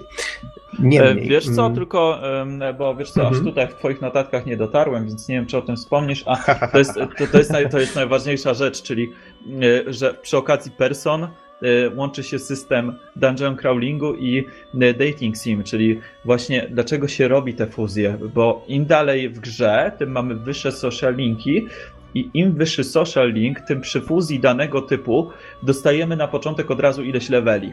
Więc na przykład tak, załóżmy, powiedzmy... że masz jakiś, jakiś social link na levelu -hmm. siódmym, jeżeli stworzysz, y, zrobisz fuzję danej persony o tym typie już mając właśnie ten social link na levelu 7, to ta persona poskoczy o 7 leveli na start, co może odblokować bardzo dużo technik i w ogóle zrobić cię nagle strasznie mocnym, więc e, to jest fajny, fajny motyw, że musisz tak odpowiednio żonglować z tymi fuzjami, że okej, okay, no dobra, poszedłem w tej scenie social link najbardziej, więc chciałbym mieć personę z tego typu właśnie tej karty tarotowej, więc tak będę próbował zrobić fuzję, żeby dostać tę personę, a co za tym idzie najwięcej leveli na start. I to jest właśnie ten moment, w którym się bardzo mocno łączy ten system jeden z drugim. No i tak słuchając mhm. was, wybacz, że się wtrącę, ale wykorzystam ten moment, słuchając tego, co mówicie, e, wygląda na to, że w mechanice gry istnieje bardzo wiele, no, może nawet skomplikowanych połączeń i relacji między niektórymi elementami, że zdaje się, że osoba, która gra w personę po raz pierwszy, nieświadomie zrobi wiele głupich rzeczy i po prostu utrudni sobie życie. E, niekoniecznie, ale trochę tak, da się tutaj zablokować w taki sposób, do czego jeszcze przejdę, że faktycznie warto zapisywać na różnych slotach Czyli nie zapisywać ciągle na jednym, na jednym miejscu, tak, nadpisywać jeden plik, bo zdarzają się tu sytuacje, w których możemy się zapędzić w taki kozi róg, z którego ciężko będzie nam wybrnąć. Wiesz, trochę w tym jest racji, ale z drugiej strony gra od samego początku mówi ci, e, że możesz robić wszystko i tak naprawdę wszystko, co robisz w grze, do czegoś cię prowadzi. Jeżeli danego dnia stwierdzisz, że ok, zamiast pójść spać, pouczę się, no to dobra, na następny dzień nie pójdziesz do Tartarusa, bo będziesz zmęczony, ale podskoczy ci Academics, dzięki czemu będziesz mógł odblokować social link z daną osobą. Skoro odblokujesz ten social link i go sobie ulepszysz, to później podczas fuzji persony nagle się okaże, że ta persona jest mocniejsza, więc Przeważnie to wygląda tak, że e, robiąc te różne zadania na co dzień, te różne takie e, działania, czy to spotkania z ludźmi i tak dalej, e, i tak idziesz do przodu. I tak umacniasz swoje relacje, a co za tym idzie, umacniasz swoją postać i swoje persony. Więc wydaje mi się, że bardzo mocno trzeba by było się postarać, żeby coś tak spieprzyć w tym systemie, żeby, żeby nagle się okazało, że nie możesz nic zrobić praktycznie Ja gra... na przykład unikałem mhm. sytuacji, żeby chodzić i ulepszać statystyki samych person, bo stwierdziłem, że tak często się przeprowadza fuzję i zmienia te persony, że to chyba nie było warte zachodu. Nie jestem pewien, czy te statystyki wpływają na statystyki tego, co potem wychodzi z takiej fuzji. Wydaje Może mi się, tak. że tak. Wydaje mi się, że tak. Aha, no okej. Okay. Niemniej, lecąc dalej, dzięki Surfer, że o tym wspomniałeś, bo to jest, to jest dość ważne, tak? Że cokolwiek nie robisz, to to na coś wpływa i to tak fajnie się łączy w taką całą sieć zależności, która myślę, że jest o tyle fajna, że odkrywanie samemu też tego wszystkiego też daje sporo frajdy, tak? Dlatego ta gra na początku zwłaszcza jest taka emocjonująca. Niemniej, y, co do samych person. Jeżeli dobrze kojarzę, jest ich około 170, albo dokładnie 170, nie jestem pewien. Y, pochodzą z różnych mitologii, wierzeń, legend. Tu już Surfer wspomniałeś, że one są, y, że to jest właściwie taki recycling, tak? Z tej serii Shin Megami Tensei, czyli E, mamy tutaj powiedzmy jakieś wielogłowe bestie, wróżki, zabawne stworki, czy, czy właśnie powiedzmy niektóre z tych person przypominają wojowników z różnych kultur. E, czasami są oparte w ogóle chyba na jakiejś porąbanej wyobraźni twórców, czy mają jakieś tam powiedzmy erotyczne, właśnie jakieś takie dziwne zapędy, e, czasami kojarzące się z jakimiś polecamy strojami. sobie, Polecamy wyszukać sobie personę o nazwie Mara. E, tak, ale tak jak mówisz, to, to, oczywiście... To jest, dość, tak, to, jest dość znany, to jest dość znany przykład męskiego członka jeżdżącego na rydwanie, tak, który ludzie znają nawet nie kojarząc z jakiej to jest gry. Więc to jest z serii Shin Megami Tensei, zgadza się. Tak, ale nie tylko są w oparciu o różne wierzenia i tak dalej, ale są takie e, persony, które są takimi troszeczkę ikonami serii, jak na przykład Jack Frost, czyli nie wiem, czy spotkałeś takiego śmiesznego, śmieszną taką maskotkę serii, tak, tak, takiego tak, śmiesznego wiem, ludzika. Wiem. Mhm. On się też przewija przez każdą praktycznie grę, więc yy, to, to, to jest fajne, bo oni już stworzyli takie swoje uniwersum wiele lat temu, które coraz bardziej rozwijają i różne części w mniej bądź bardziej e, dosłowny i luźny sposób że sobie to interpretują i do tego się odnoszą, więc według mnie to jest naprawdę fajne, że zawsze jest coś nowego, ale z drugiej strony po części czujesz się jak w domu już.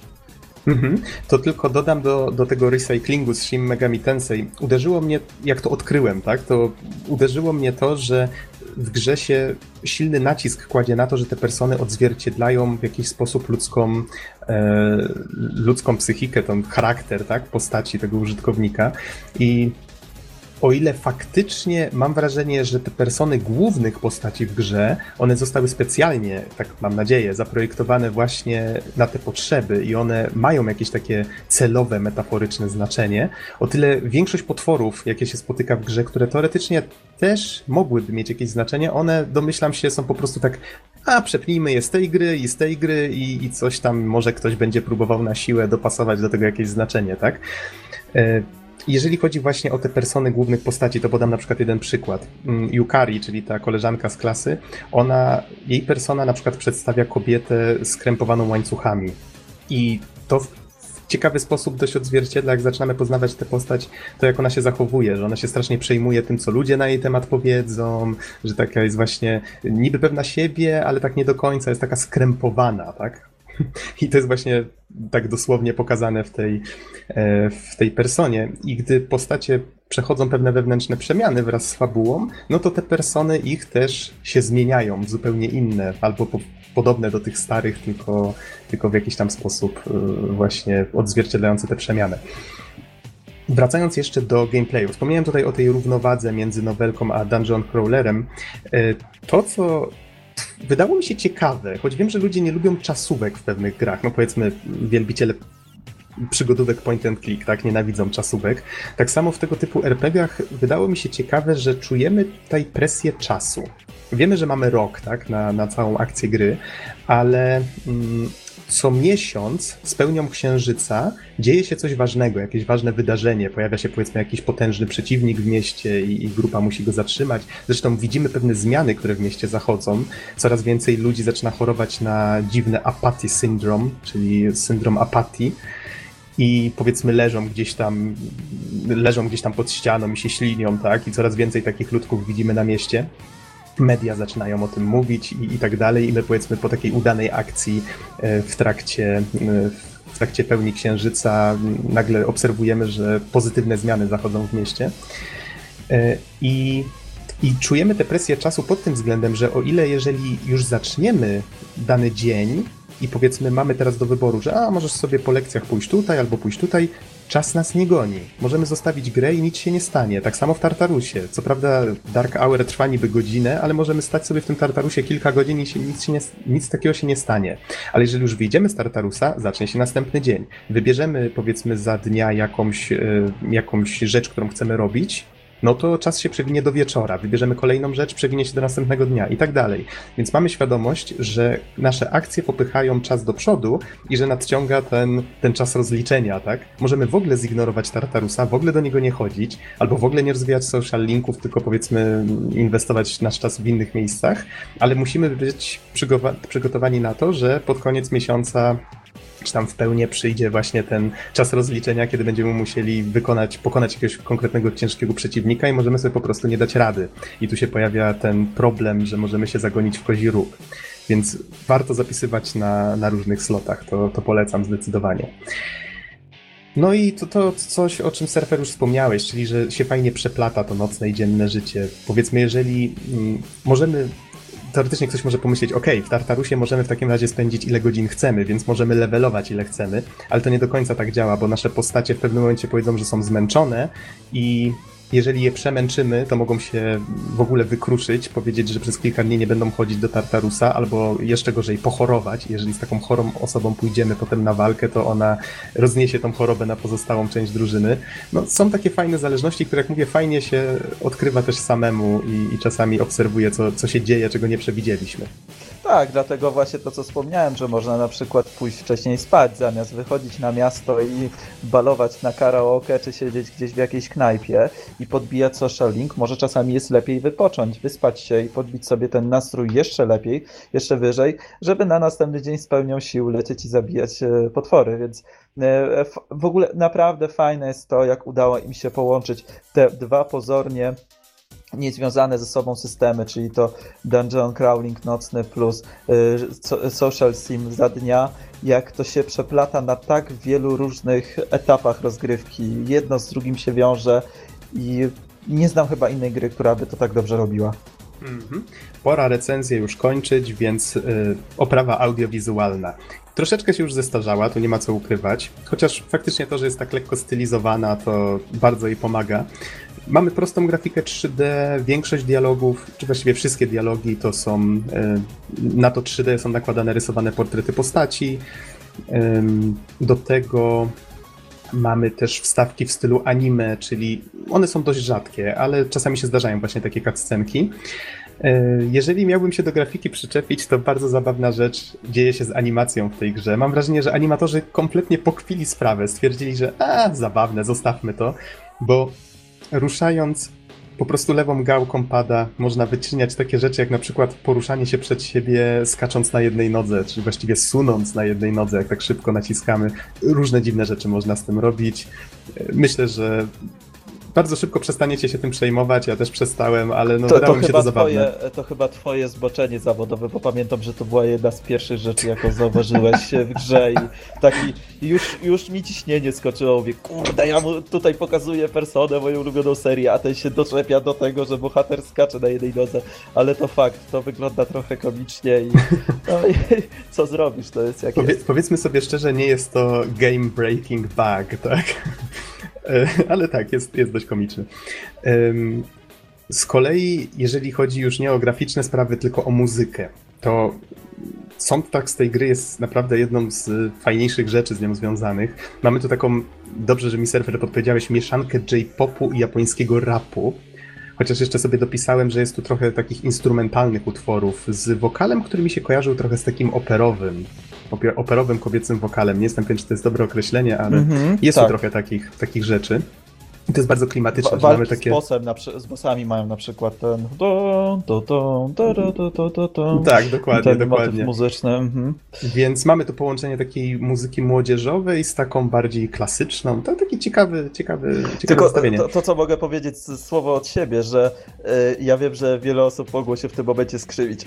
Ech, japoński pop nienawidzę, ale wiecie co, ja też tego nie znoszę, a soundtrack z Persony każdej chyba do tej pory jest po prostu tak chwytliwy, że słucha się tej godziny, czas, tej muzyki czasami godzinami w kółko, bo przecież biegając po mieście mamy cały czas tą samą muzykę, czy w walkach mamy ten sam motyw i tak dalej, ale ta muzyka się nigdy nie dudzi. To jest tak dziwne, ale po prostu e, no, e, jest to, rewelacyjna.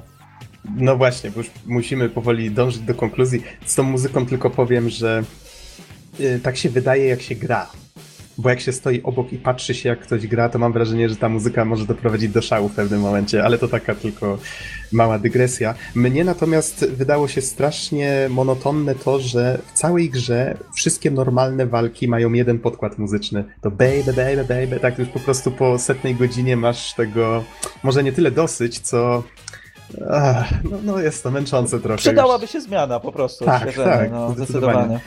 I bardzo dobry angielski dubbing, to już tak kończąc audiowizualną część, bo te, mówimy tutaj J-pop i tak dalej, ale wszystkie te piosenki mają angielskie słowa tak naprawdę, śpiewane po angielsku i nawet brzmi to po angielsku, więc nie wiem kto był wykonawcą, ale... Nie Shoji Meguro. Aha. Znaczy, to, I to, to nie śpiewał, prawda? Bo to jest, jest, to jest z każdej, z każdej persony ta sama mhm. osoba. Tak, tak, ale mówię tutaj o słowach, tak, wokalistach, że to brzmi a, faktycznie po, po, angielsku, a nie po japońsku, więc jest ok. Angielski dubbing m, m, postaci mnie się osobiście bardzo podobał, chociaż warto wspomnieć, że nie wszystkie dialogi są dubbingowane, wiele z nich to po prostu tekst.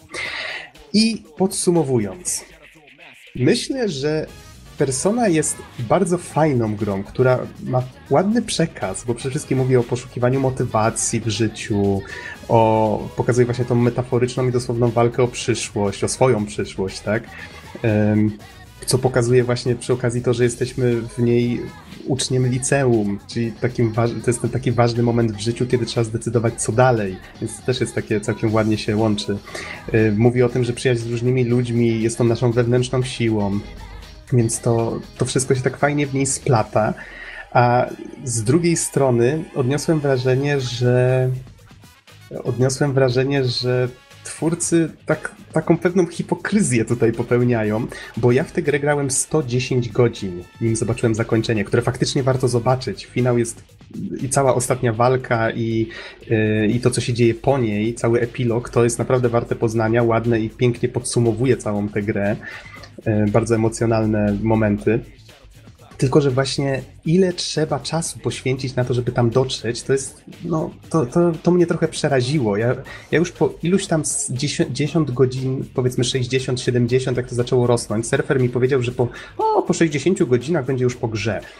Ja, ja mu uwierzyłem, może ty surfer faktycznie w tyle, żeś tę grę skończył, ale to 110 godzin to było zdecydowanie za dużo i ja w pewnym momencie już tylko mój upór sprawił, że tę grę skończyłem, bo kusiło mnie, żeby zobaczyć faktycznie cutscenki na yy, po prostu na YouTubie. I tak zrobiłem z dodatkiem, który się nazywa The Answer.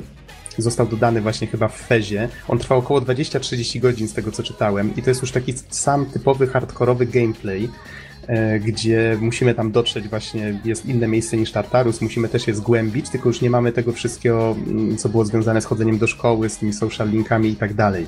Więc sam hardkorowy gameplay właśnie związany z dungeon crawlingiem, czyli jakby cały ten balans, który wcześniej sprawiał, że gra jest taka zróżnicowana, tu się rozjechał. I stwierdziłem, że nie, to jest jednak to, co mi najwięcej czasu zabierało w tej grze, czyli właśnie walka powiedzmy z bossami, przy których trzeba godzinami kombinować, jak z nimi walczyć i tak dalej i jednak obejrzałem The Answer na, na YouTubie.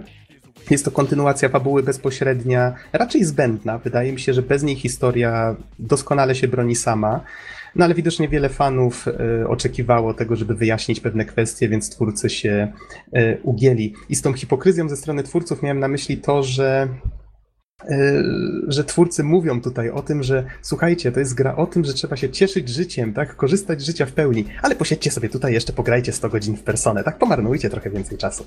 No, więc to, to mi się wydało takie znaczy, trochę wiesz hipokrytyczne. Co, to, po pierwsze, czy to jest marnowanie czasu, to jest inna sprawa. Poza tym, jak to się mówi, że czas zmarnowany na przyjemności nie jest czasem zmarnowanym. Wiesz, gra też jednak budzi bardzo wiele emocji i i też daje do myślenia w wielu kwestiach. No i tak jak mówiłeś, że ten ending no, mnie osobiście po prostu rozłożył na łopatki, był po prostu fenomenalny. No jak ktoś lubi takie mm, apokaliptyczne wizje Japończyków, tam powiedzmy Neon Genesis Evangelion czy Drakengard, no to tutaj też można dopisać do listy, też są fajne rzeczy się dzieją w pewnym a, momencie. A to co mówiłeś, że niestety gra wymaga wytrwałości, wiesz, e, ja tutaj y, teraz już widnieję jako taki fanatyk persony, wiesz, y, największy chyba na podcaście, ale bo ja przygoda na początku była bardzo, bardzo taka no ciężka. Ja na przykład odbiłem się od Persony 3 kilkukrotnie i nie byłem w stanie jej przejść przez pierwsze kilka razy, dlatego że ja po 15 godzinach już byłem tak znużony Tartarusem, że no nie byłem w stanie iść dalej, już przestało mi zależeć. I wiesz, wiesz jak wiele osób prawdopodobnie teraz zniechęciłeś do tego, żeby w ogóle spróbować?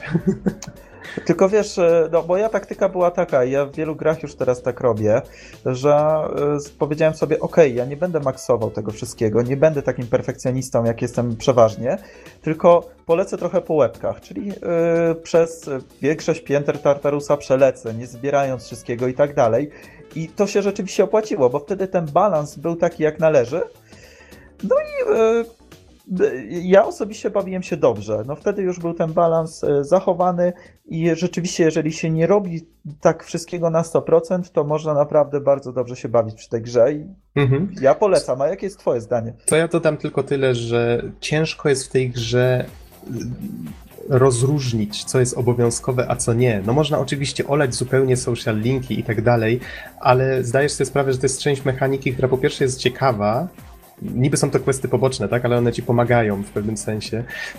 Więc ciężko z czegoś zrezygnować. Najchętniej zrezygnowałbym właśnie z tego męczącego gameplayu, który w pewnym momencie w Tartarusie wymusza na tobie zbyt duże zaangażowanie w te, w te walki. Dlatego y, na, jako w ramach podsumowania mam dla Was dwie rady. Jeżeli zainteresowało Was to, o czym teraz mówiliśmy, to albo pograjcie sobie chwilę w tę grę, jeżeli stwierdzicie po tych kilku godzinach, że was to interesuje, grajcie dalej. Jeżeli was to zmęczy, to najzwyczajniej w świecie obejście resztę na, na YouTubie. E, albo spróbujcie wziąć easy.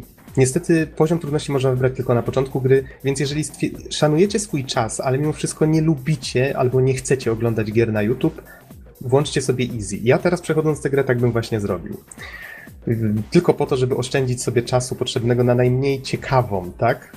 Bo mnie zależało na fabule. Jeżeli wam zależy na fabule, to tak zróbcie. Jeżeli wam zależy na fajnych zależnościach między mechanizmami i wgłębianiu się właśnie w taktykę, rozwijanie drużyny, okej, okay, wtedy prawdopodobnie pozostałe poziomy trudności będą dla was ciekawsze. No i to właściwie tyle. Wydaje mi się mimo to, no, że mogę gra dodać warta, jeszcze, jeszcze jedno, jeżeli chodzi o to, co... polecenia. E, to, co można zrobić, żeby sobie umilić tę grę, mhm. E, to ja miałem taką taktykę, że zawsze leciałem do końca e, piętra, do którego można było dojść tam się wracałem teleportem, już można wtedy wrócić na to piętro i innego dnia wracałem sobie po prostu na jeden taki długi grind, gdzie e, robiłem fuzję, gdzie wbijałem poziomy i tak dalej, a resztę czasu spędzałem już tylko za dnia podbijając social linki i zajmując się tym, czym, co najprzyjemniejsze. Przez co już nie, nie musiałem się przejmować tym bieganiem po Tartarusie i zwiedzaniem i tak dalej. I to mogę polecić wszystkim. No i co? No i grę chyba polecamy, prawda? Z tego co wiemy, planujesz, że... planujesz zakup Persony 4 4 z tego co wiem, prawda? Ta twoja rada wiele mi nie pomogła, ale tak, planuję. Dobrze, więc to była recenzja Shin Megami Tensei Persona 3 FES. Polecamy i dziękujemy za uwagę.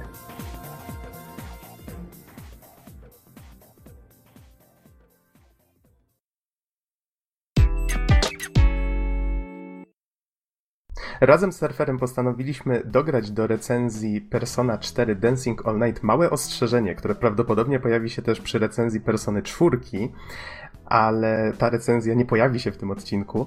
Mianowicie chcielibyśmy uprzedzić, że wszystkie spin-offy Persony 4, czyli może tutaj wymienię Persona 4 Arena i Arena Ultimax, Persona Q Shadow of the Labyrinth czy Persona 4 Dancing All Night, której recenzję teraz będziecie słuchać, one wszystkie mogą zawierać, a nawet zawierają spoilery z tej głównej części Persony 4. I właśnie e, uważamy, że jeżeli zainteresujemy Was tematem w recenzji, która sama w sobie nie zawiera spoilerów, przynajmniej nie powinna z tego co pamiętam, to jeżeli zainteresujemy Was tematem i zaczniecie szukać materiałów, czy to screenów, czy filmików, narażacie się na poważne spoilery i mówię to z własnego doświadczenia. tak więc czujcie się uprzedzeni i życzymy miłego słuchania.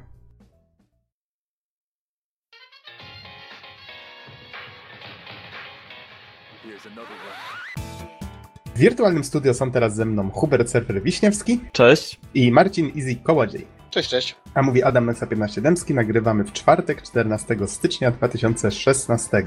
I będziemy dzisiaj mówić, a właściwie wy panowie będziecie recenzować grę Persona 4 Dancing All Night.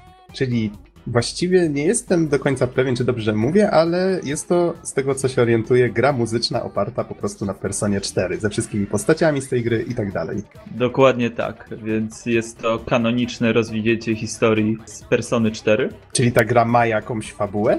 Ta gra ma jakąś fabułę, ale do tego może przejdziemy zaraz. Na początku trochę suchych faktów z Wikipedii. Persona 4 Dancing All Night to jest gra wydana na PlayStation Vita przez firmę Atlus stworzona właśnie przez firmę Atlus i Dingo, które znane jest ze swoich projektów Hatsune Miku. Gra miała swoją premierę 25 czerwca 2015 roku w Japonii i w Europie 6 listopada 2015. Czyli twórcy, jak rozumiem, już mają doświadczenie w grach rytmicznych. E, tak, jak najbardziej. E, wiesz co, ogólnie tak przyglądając się e, firmom, z którymi współpracuje Atlas właśnie przy wydawaniu takich może nawet nie tyle spin-offów, co po prostu części person, które nie pokrywają się mechanicznie z głównym kanonem, można by to tak powiedzieć, to oni sobie dobierają naprawdę świetnych współpracowników, bo przecież popatrzmy na Personę Arenę, która była robiona z Arc System Works, którzy robią Guilty Gear i Blast Blue od już wielu lat. Czyli jak stworzyli bijatykę, czyli to, o czym teraz mówisz, Persona 4 Arena, tak? Tak to się nazywało? E, tak, tak, dokładnie. Okej, okay, to wzięli ludzi od bijatyk, teraz wzięli ludzi od gier rytmicznych, no e, Wiedzą z kim współpracować, naprawdę. Okej, okay, a takie szybkie pytanko, bo ja w tej chwili właśnie przechodzę Personę 4, zacząłem, e, surfer mnie zaraził, tak, tą chorobą personową i teraz łykam, co popadnie z tej serii. I zastanawia mnie jedno, czy faktycznie nie rozwodnili tej czwórki, że tak wykorzystują właśnie w przeróżnych e, kombinacjach, tak, w różnych gatunkach te postacie? Wiesz co, troszeczkę fani e, na to narzekają momentami, ale z drugiej strony, tak jak już Easy powiedział, Atlus bardzo mądrze wybiera swoich współpracowników, firmy, z, który, firmy, z którymi współpracują więc to nie są projekty, które są robione na szybko, które są robione tylko i wyłącznie dla pieniędzy.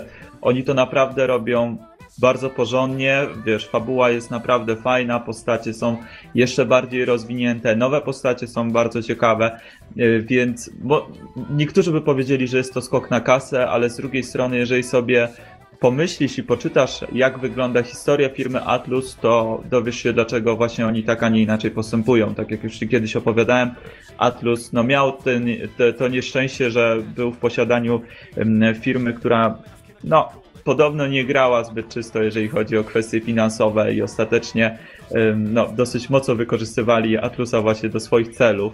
Dlatego na Personę 5 czekamy tak długo. No odkąd Sega się wzięła za Atlusa, odkąd przejęli ich, e, ta sytuacja troszeczkę uległa zmianie, więc oni pokończyli te swoje projekty, te spin-offy, takie jak Persona Q, Persona 4 Arena, czy właśnie Persona 4 Dancing All Night. No i teraz wygląda na to, że już naprawdę się wzięli mocno za e, Personę 5. No ale jakby nie patrzeć, ta Persona 4 została dosyć mocno wyeksploatowana, Ale tak jak mówię, to za każdym razem są bardzo solidne projekty. To nigdy nie są gry, które są przeciętne. To są zawsze gry, które w swoim gatunku są na naprawdę bardzo wysokim poziomie, bo tak jak fani Bijatyk, Bijatyk 2D byli zachwyceni Personą 4 Arena, fani gier typu Adrian Odyssey byli zachwyceni Personą Q, która jest świetnym ukłonem w stronę fanów Persony trójki i czwórki, tak właśnie tutaj Persona 4 Dancing All Night jest jedną z najlepszych gier rytmicznych, w jakie grałem i zaraz opowiem dlaczego.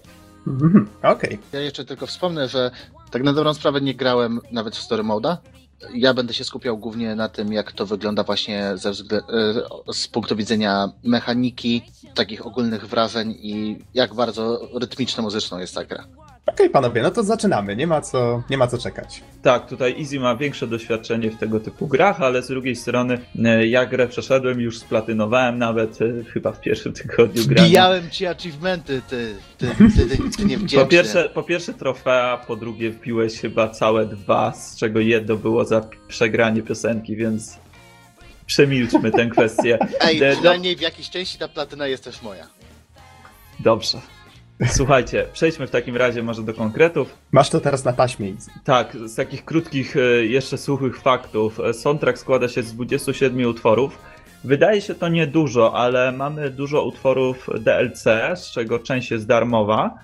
No a część niestety jest też płatna. E, mamy też możliwość dokupowania strojów do swoich bohaterów, przy czym tu jest taka trochę dziwna rozbieżność. Może tak dziwnie, że po tych pochwałach przejdę do chyba jedynej rzeczy, do której mógłbym się przyczepić. E, to jest to, że utwory DLC są w formie takich teledysków nagranych wcześniej. Są to albo właśnie e, jakieś wycinki z filmików z poprzednich części, albo na przykład jakiś, jakieś nagranie z koncertu.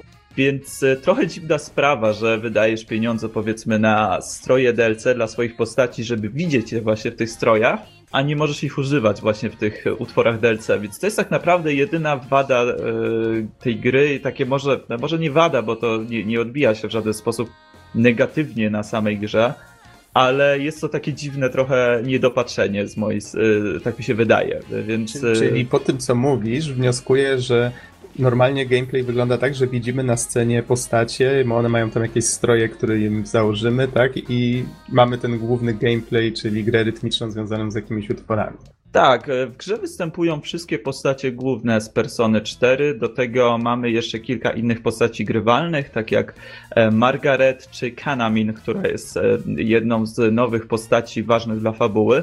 I dla tych postaci możemy kupować w sklepie w grze stroje za walutę, którą zdobywamy za wygrywanie piosenek.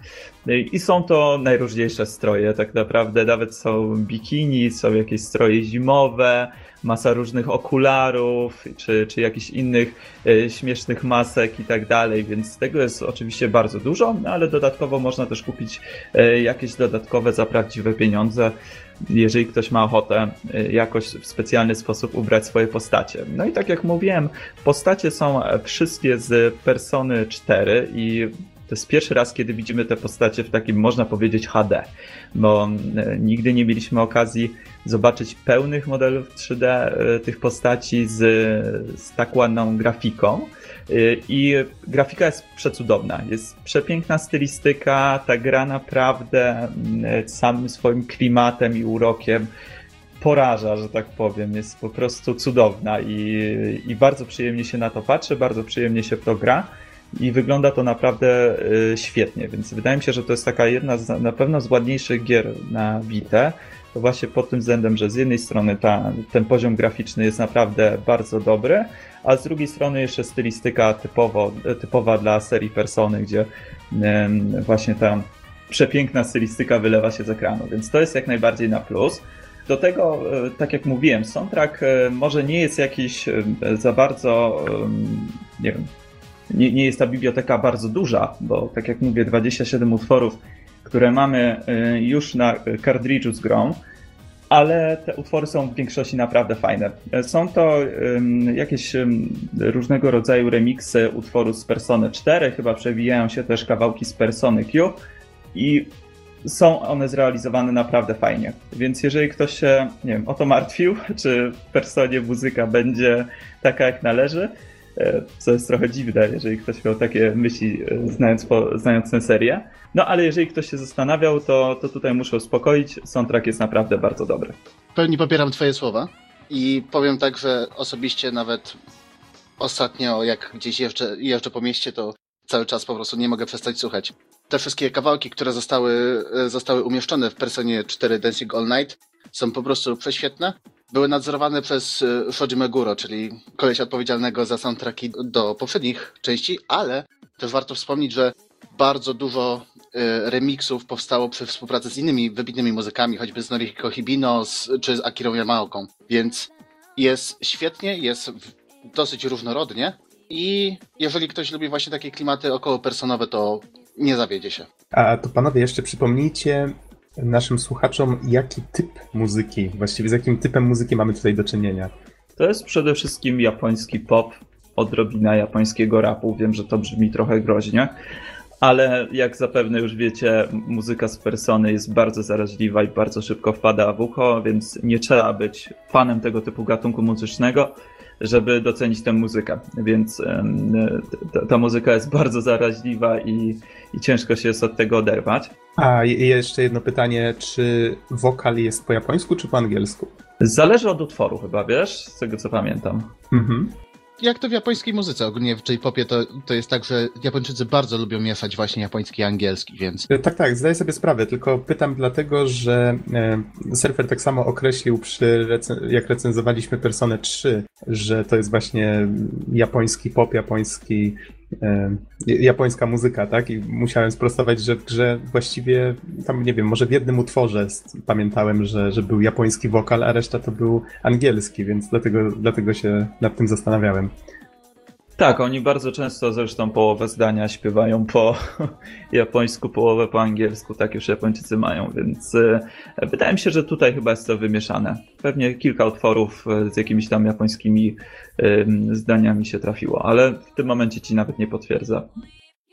Może tak, powiedzmy co nieco o gameplayu. Easy, czy chciałbyś tutaj może e, powiedzieć, jak wygląda mechanika gry i co w ogóle o niej sądzisz? Bo ja potem przejdę do trybu fabularnego, już będziemy tak powoli chyba kończyć tę recenzję, ale e, możesz powiedzieć kilka słów o gameplayu? E, pewnie, nie ma sprawy. Ogólnie gameplay bardzo przypomina ten z Project Diva z Hatsune Miku.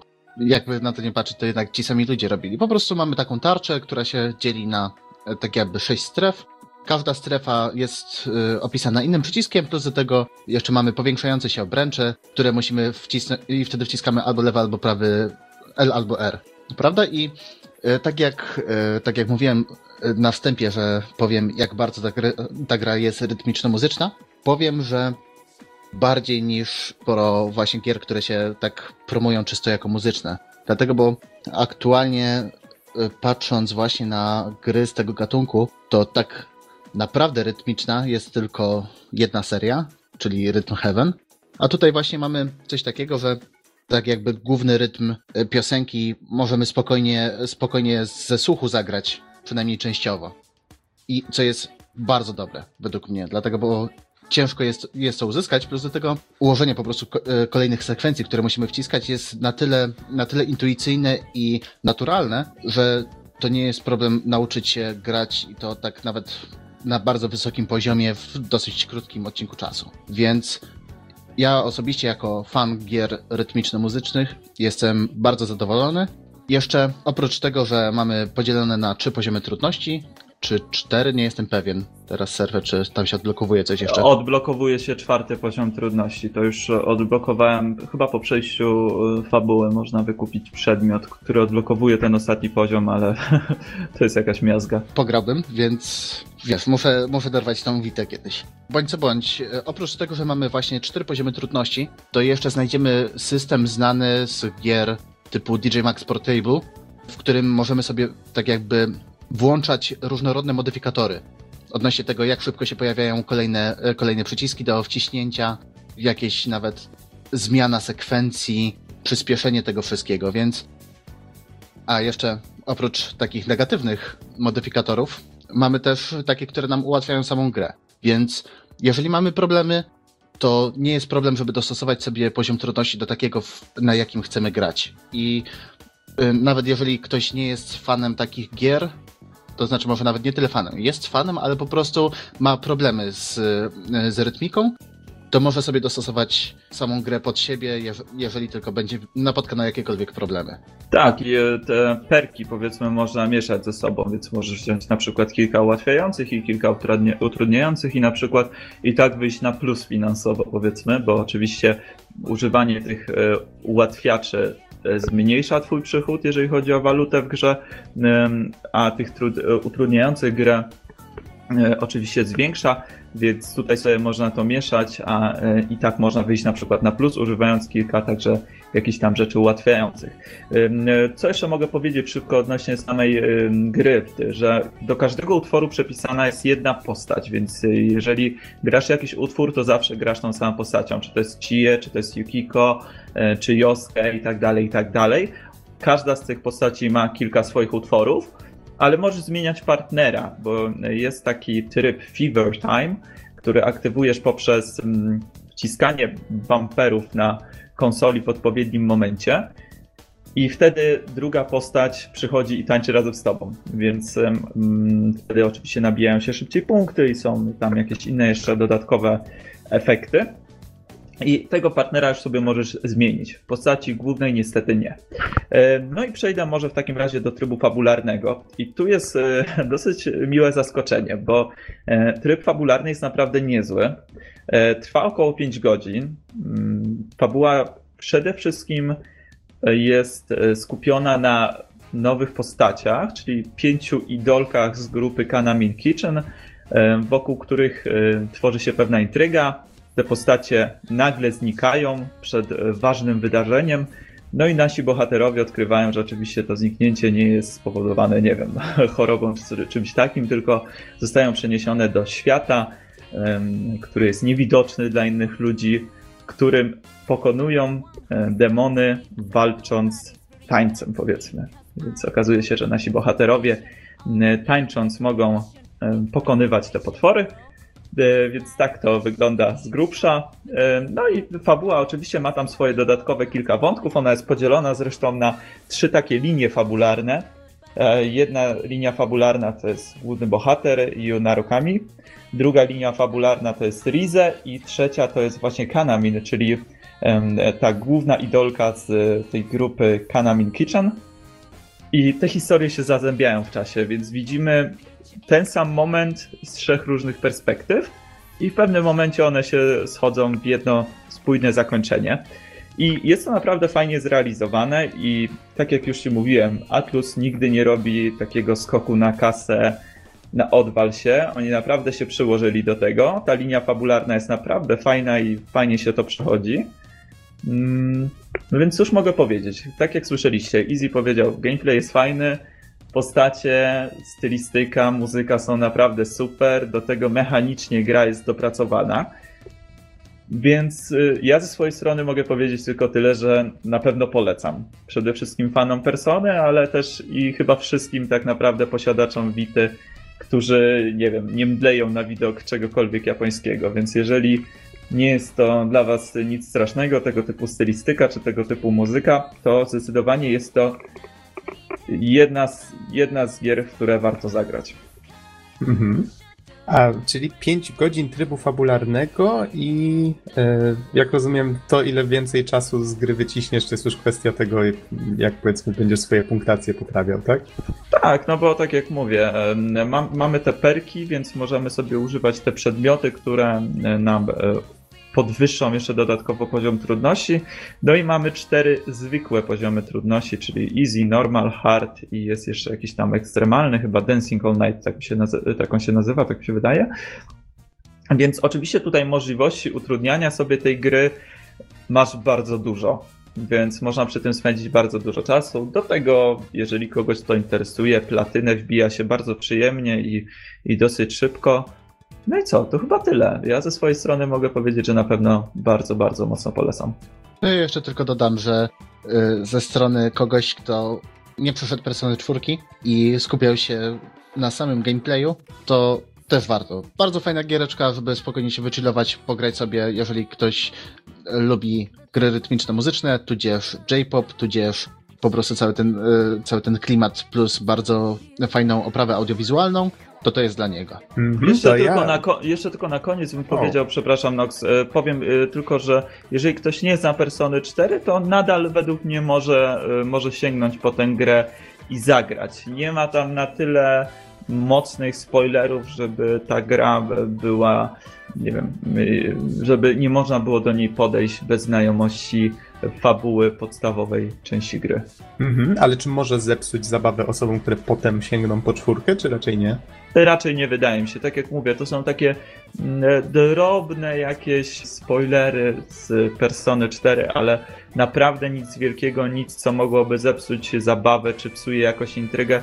Wiesz, e, po, widzimy te postacie, widzimy już jak ich relacja wygląda po Personie 4, więc tak naprawdę to może być dla kogoś e, jakimś spoilerem ale sama gra nie odnosi się bezpośrednio do fabuły czwórki. To jest tak jakby odrębna historia, która dzieje się już jakiś czas po wydarzeniach z czwórki, więc oczywiście jak ktoś bardzo mocno będzie szukał, to doszuka się w tym jakichś takich drobnych spoilerów, ale jest tego na tyle mało, że spokojnie można sięgać po tę grę, nawet nie znając czwórki. A zresztą, Mhm. jeżeli ktoś na przykład nie ma okazji zabrać się za czwórkę, No nie to jest ma właśnie coś, o czym, sobie... o czym chciałem Mhm. powiedzieć, bo tutaj mówicie, że o, ja jako osoba, która przeszła, ja jako osoba, która miała okazję zagrać, ale w czwórkę nie grała, to ja dodam jako osoba, która w czwórkę zaczęła dopiero grać, że i domyślam się, że o tym chciałeś wspomnieć, jeżeli posiadacie Vita, macie opcję zagrania w Personę 4 Golden, czyli taką edycję specjalnie przygotowaną pod Vita, tylko że to ty, Serker, będziesz musiał powiedzieć, czym ona się różni,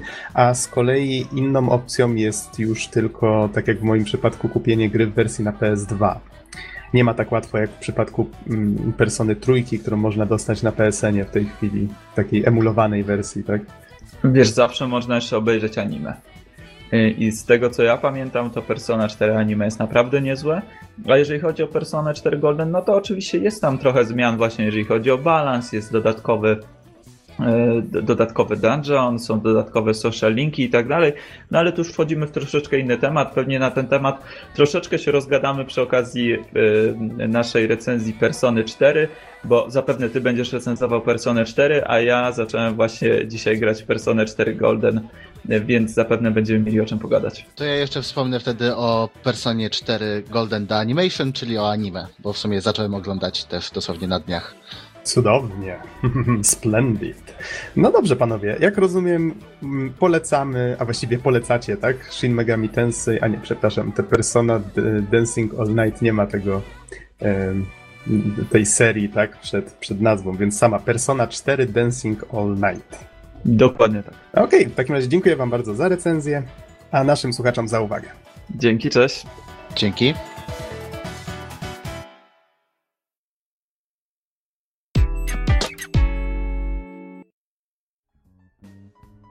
To już wszystko w tym personowym odcinku. Dziękujemy wam bardzo za uwagę i zapraszamy was na następny odcinek. Trzymajcie się.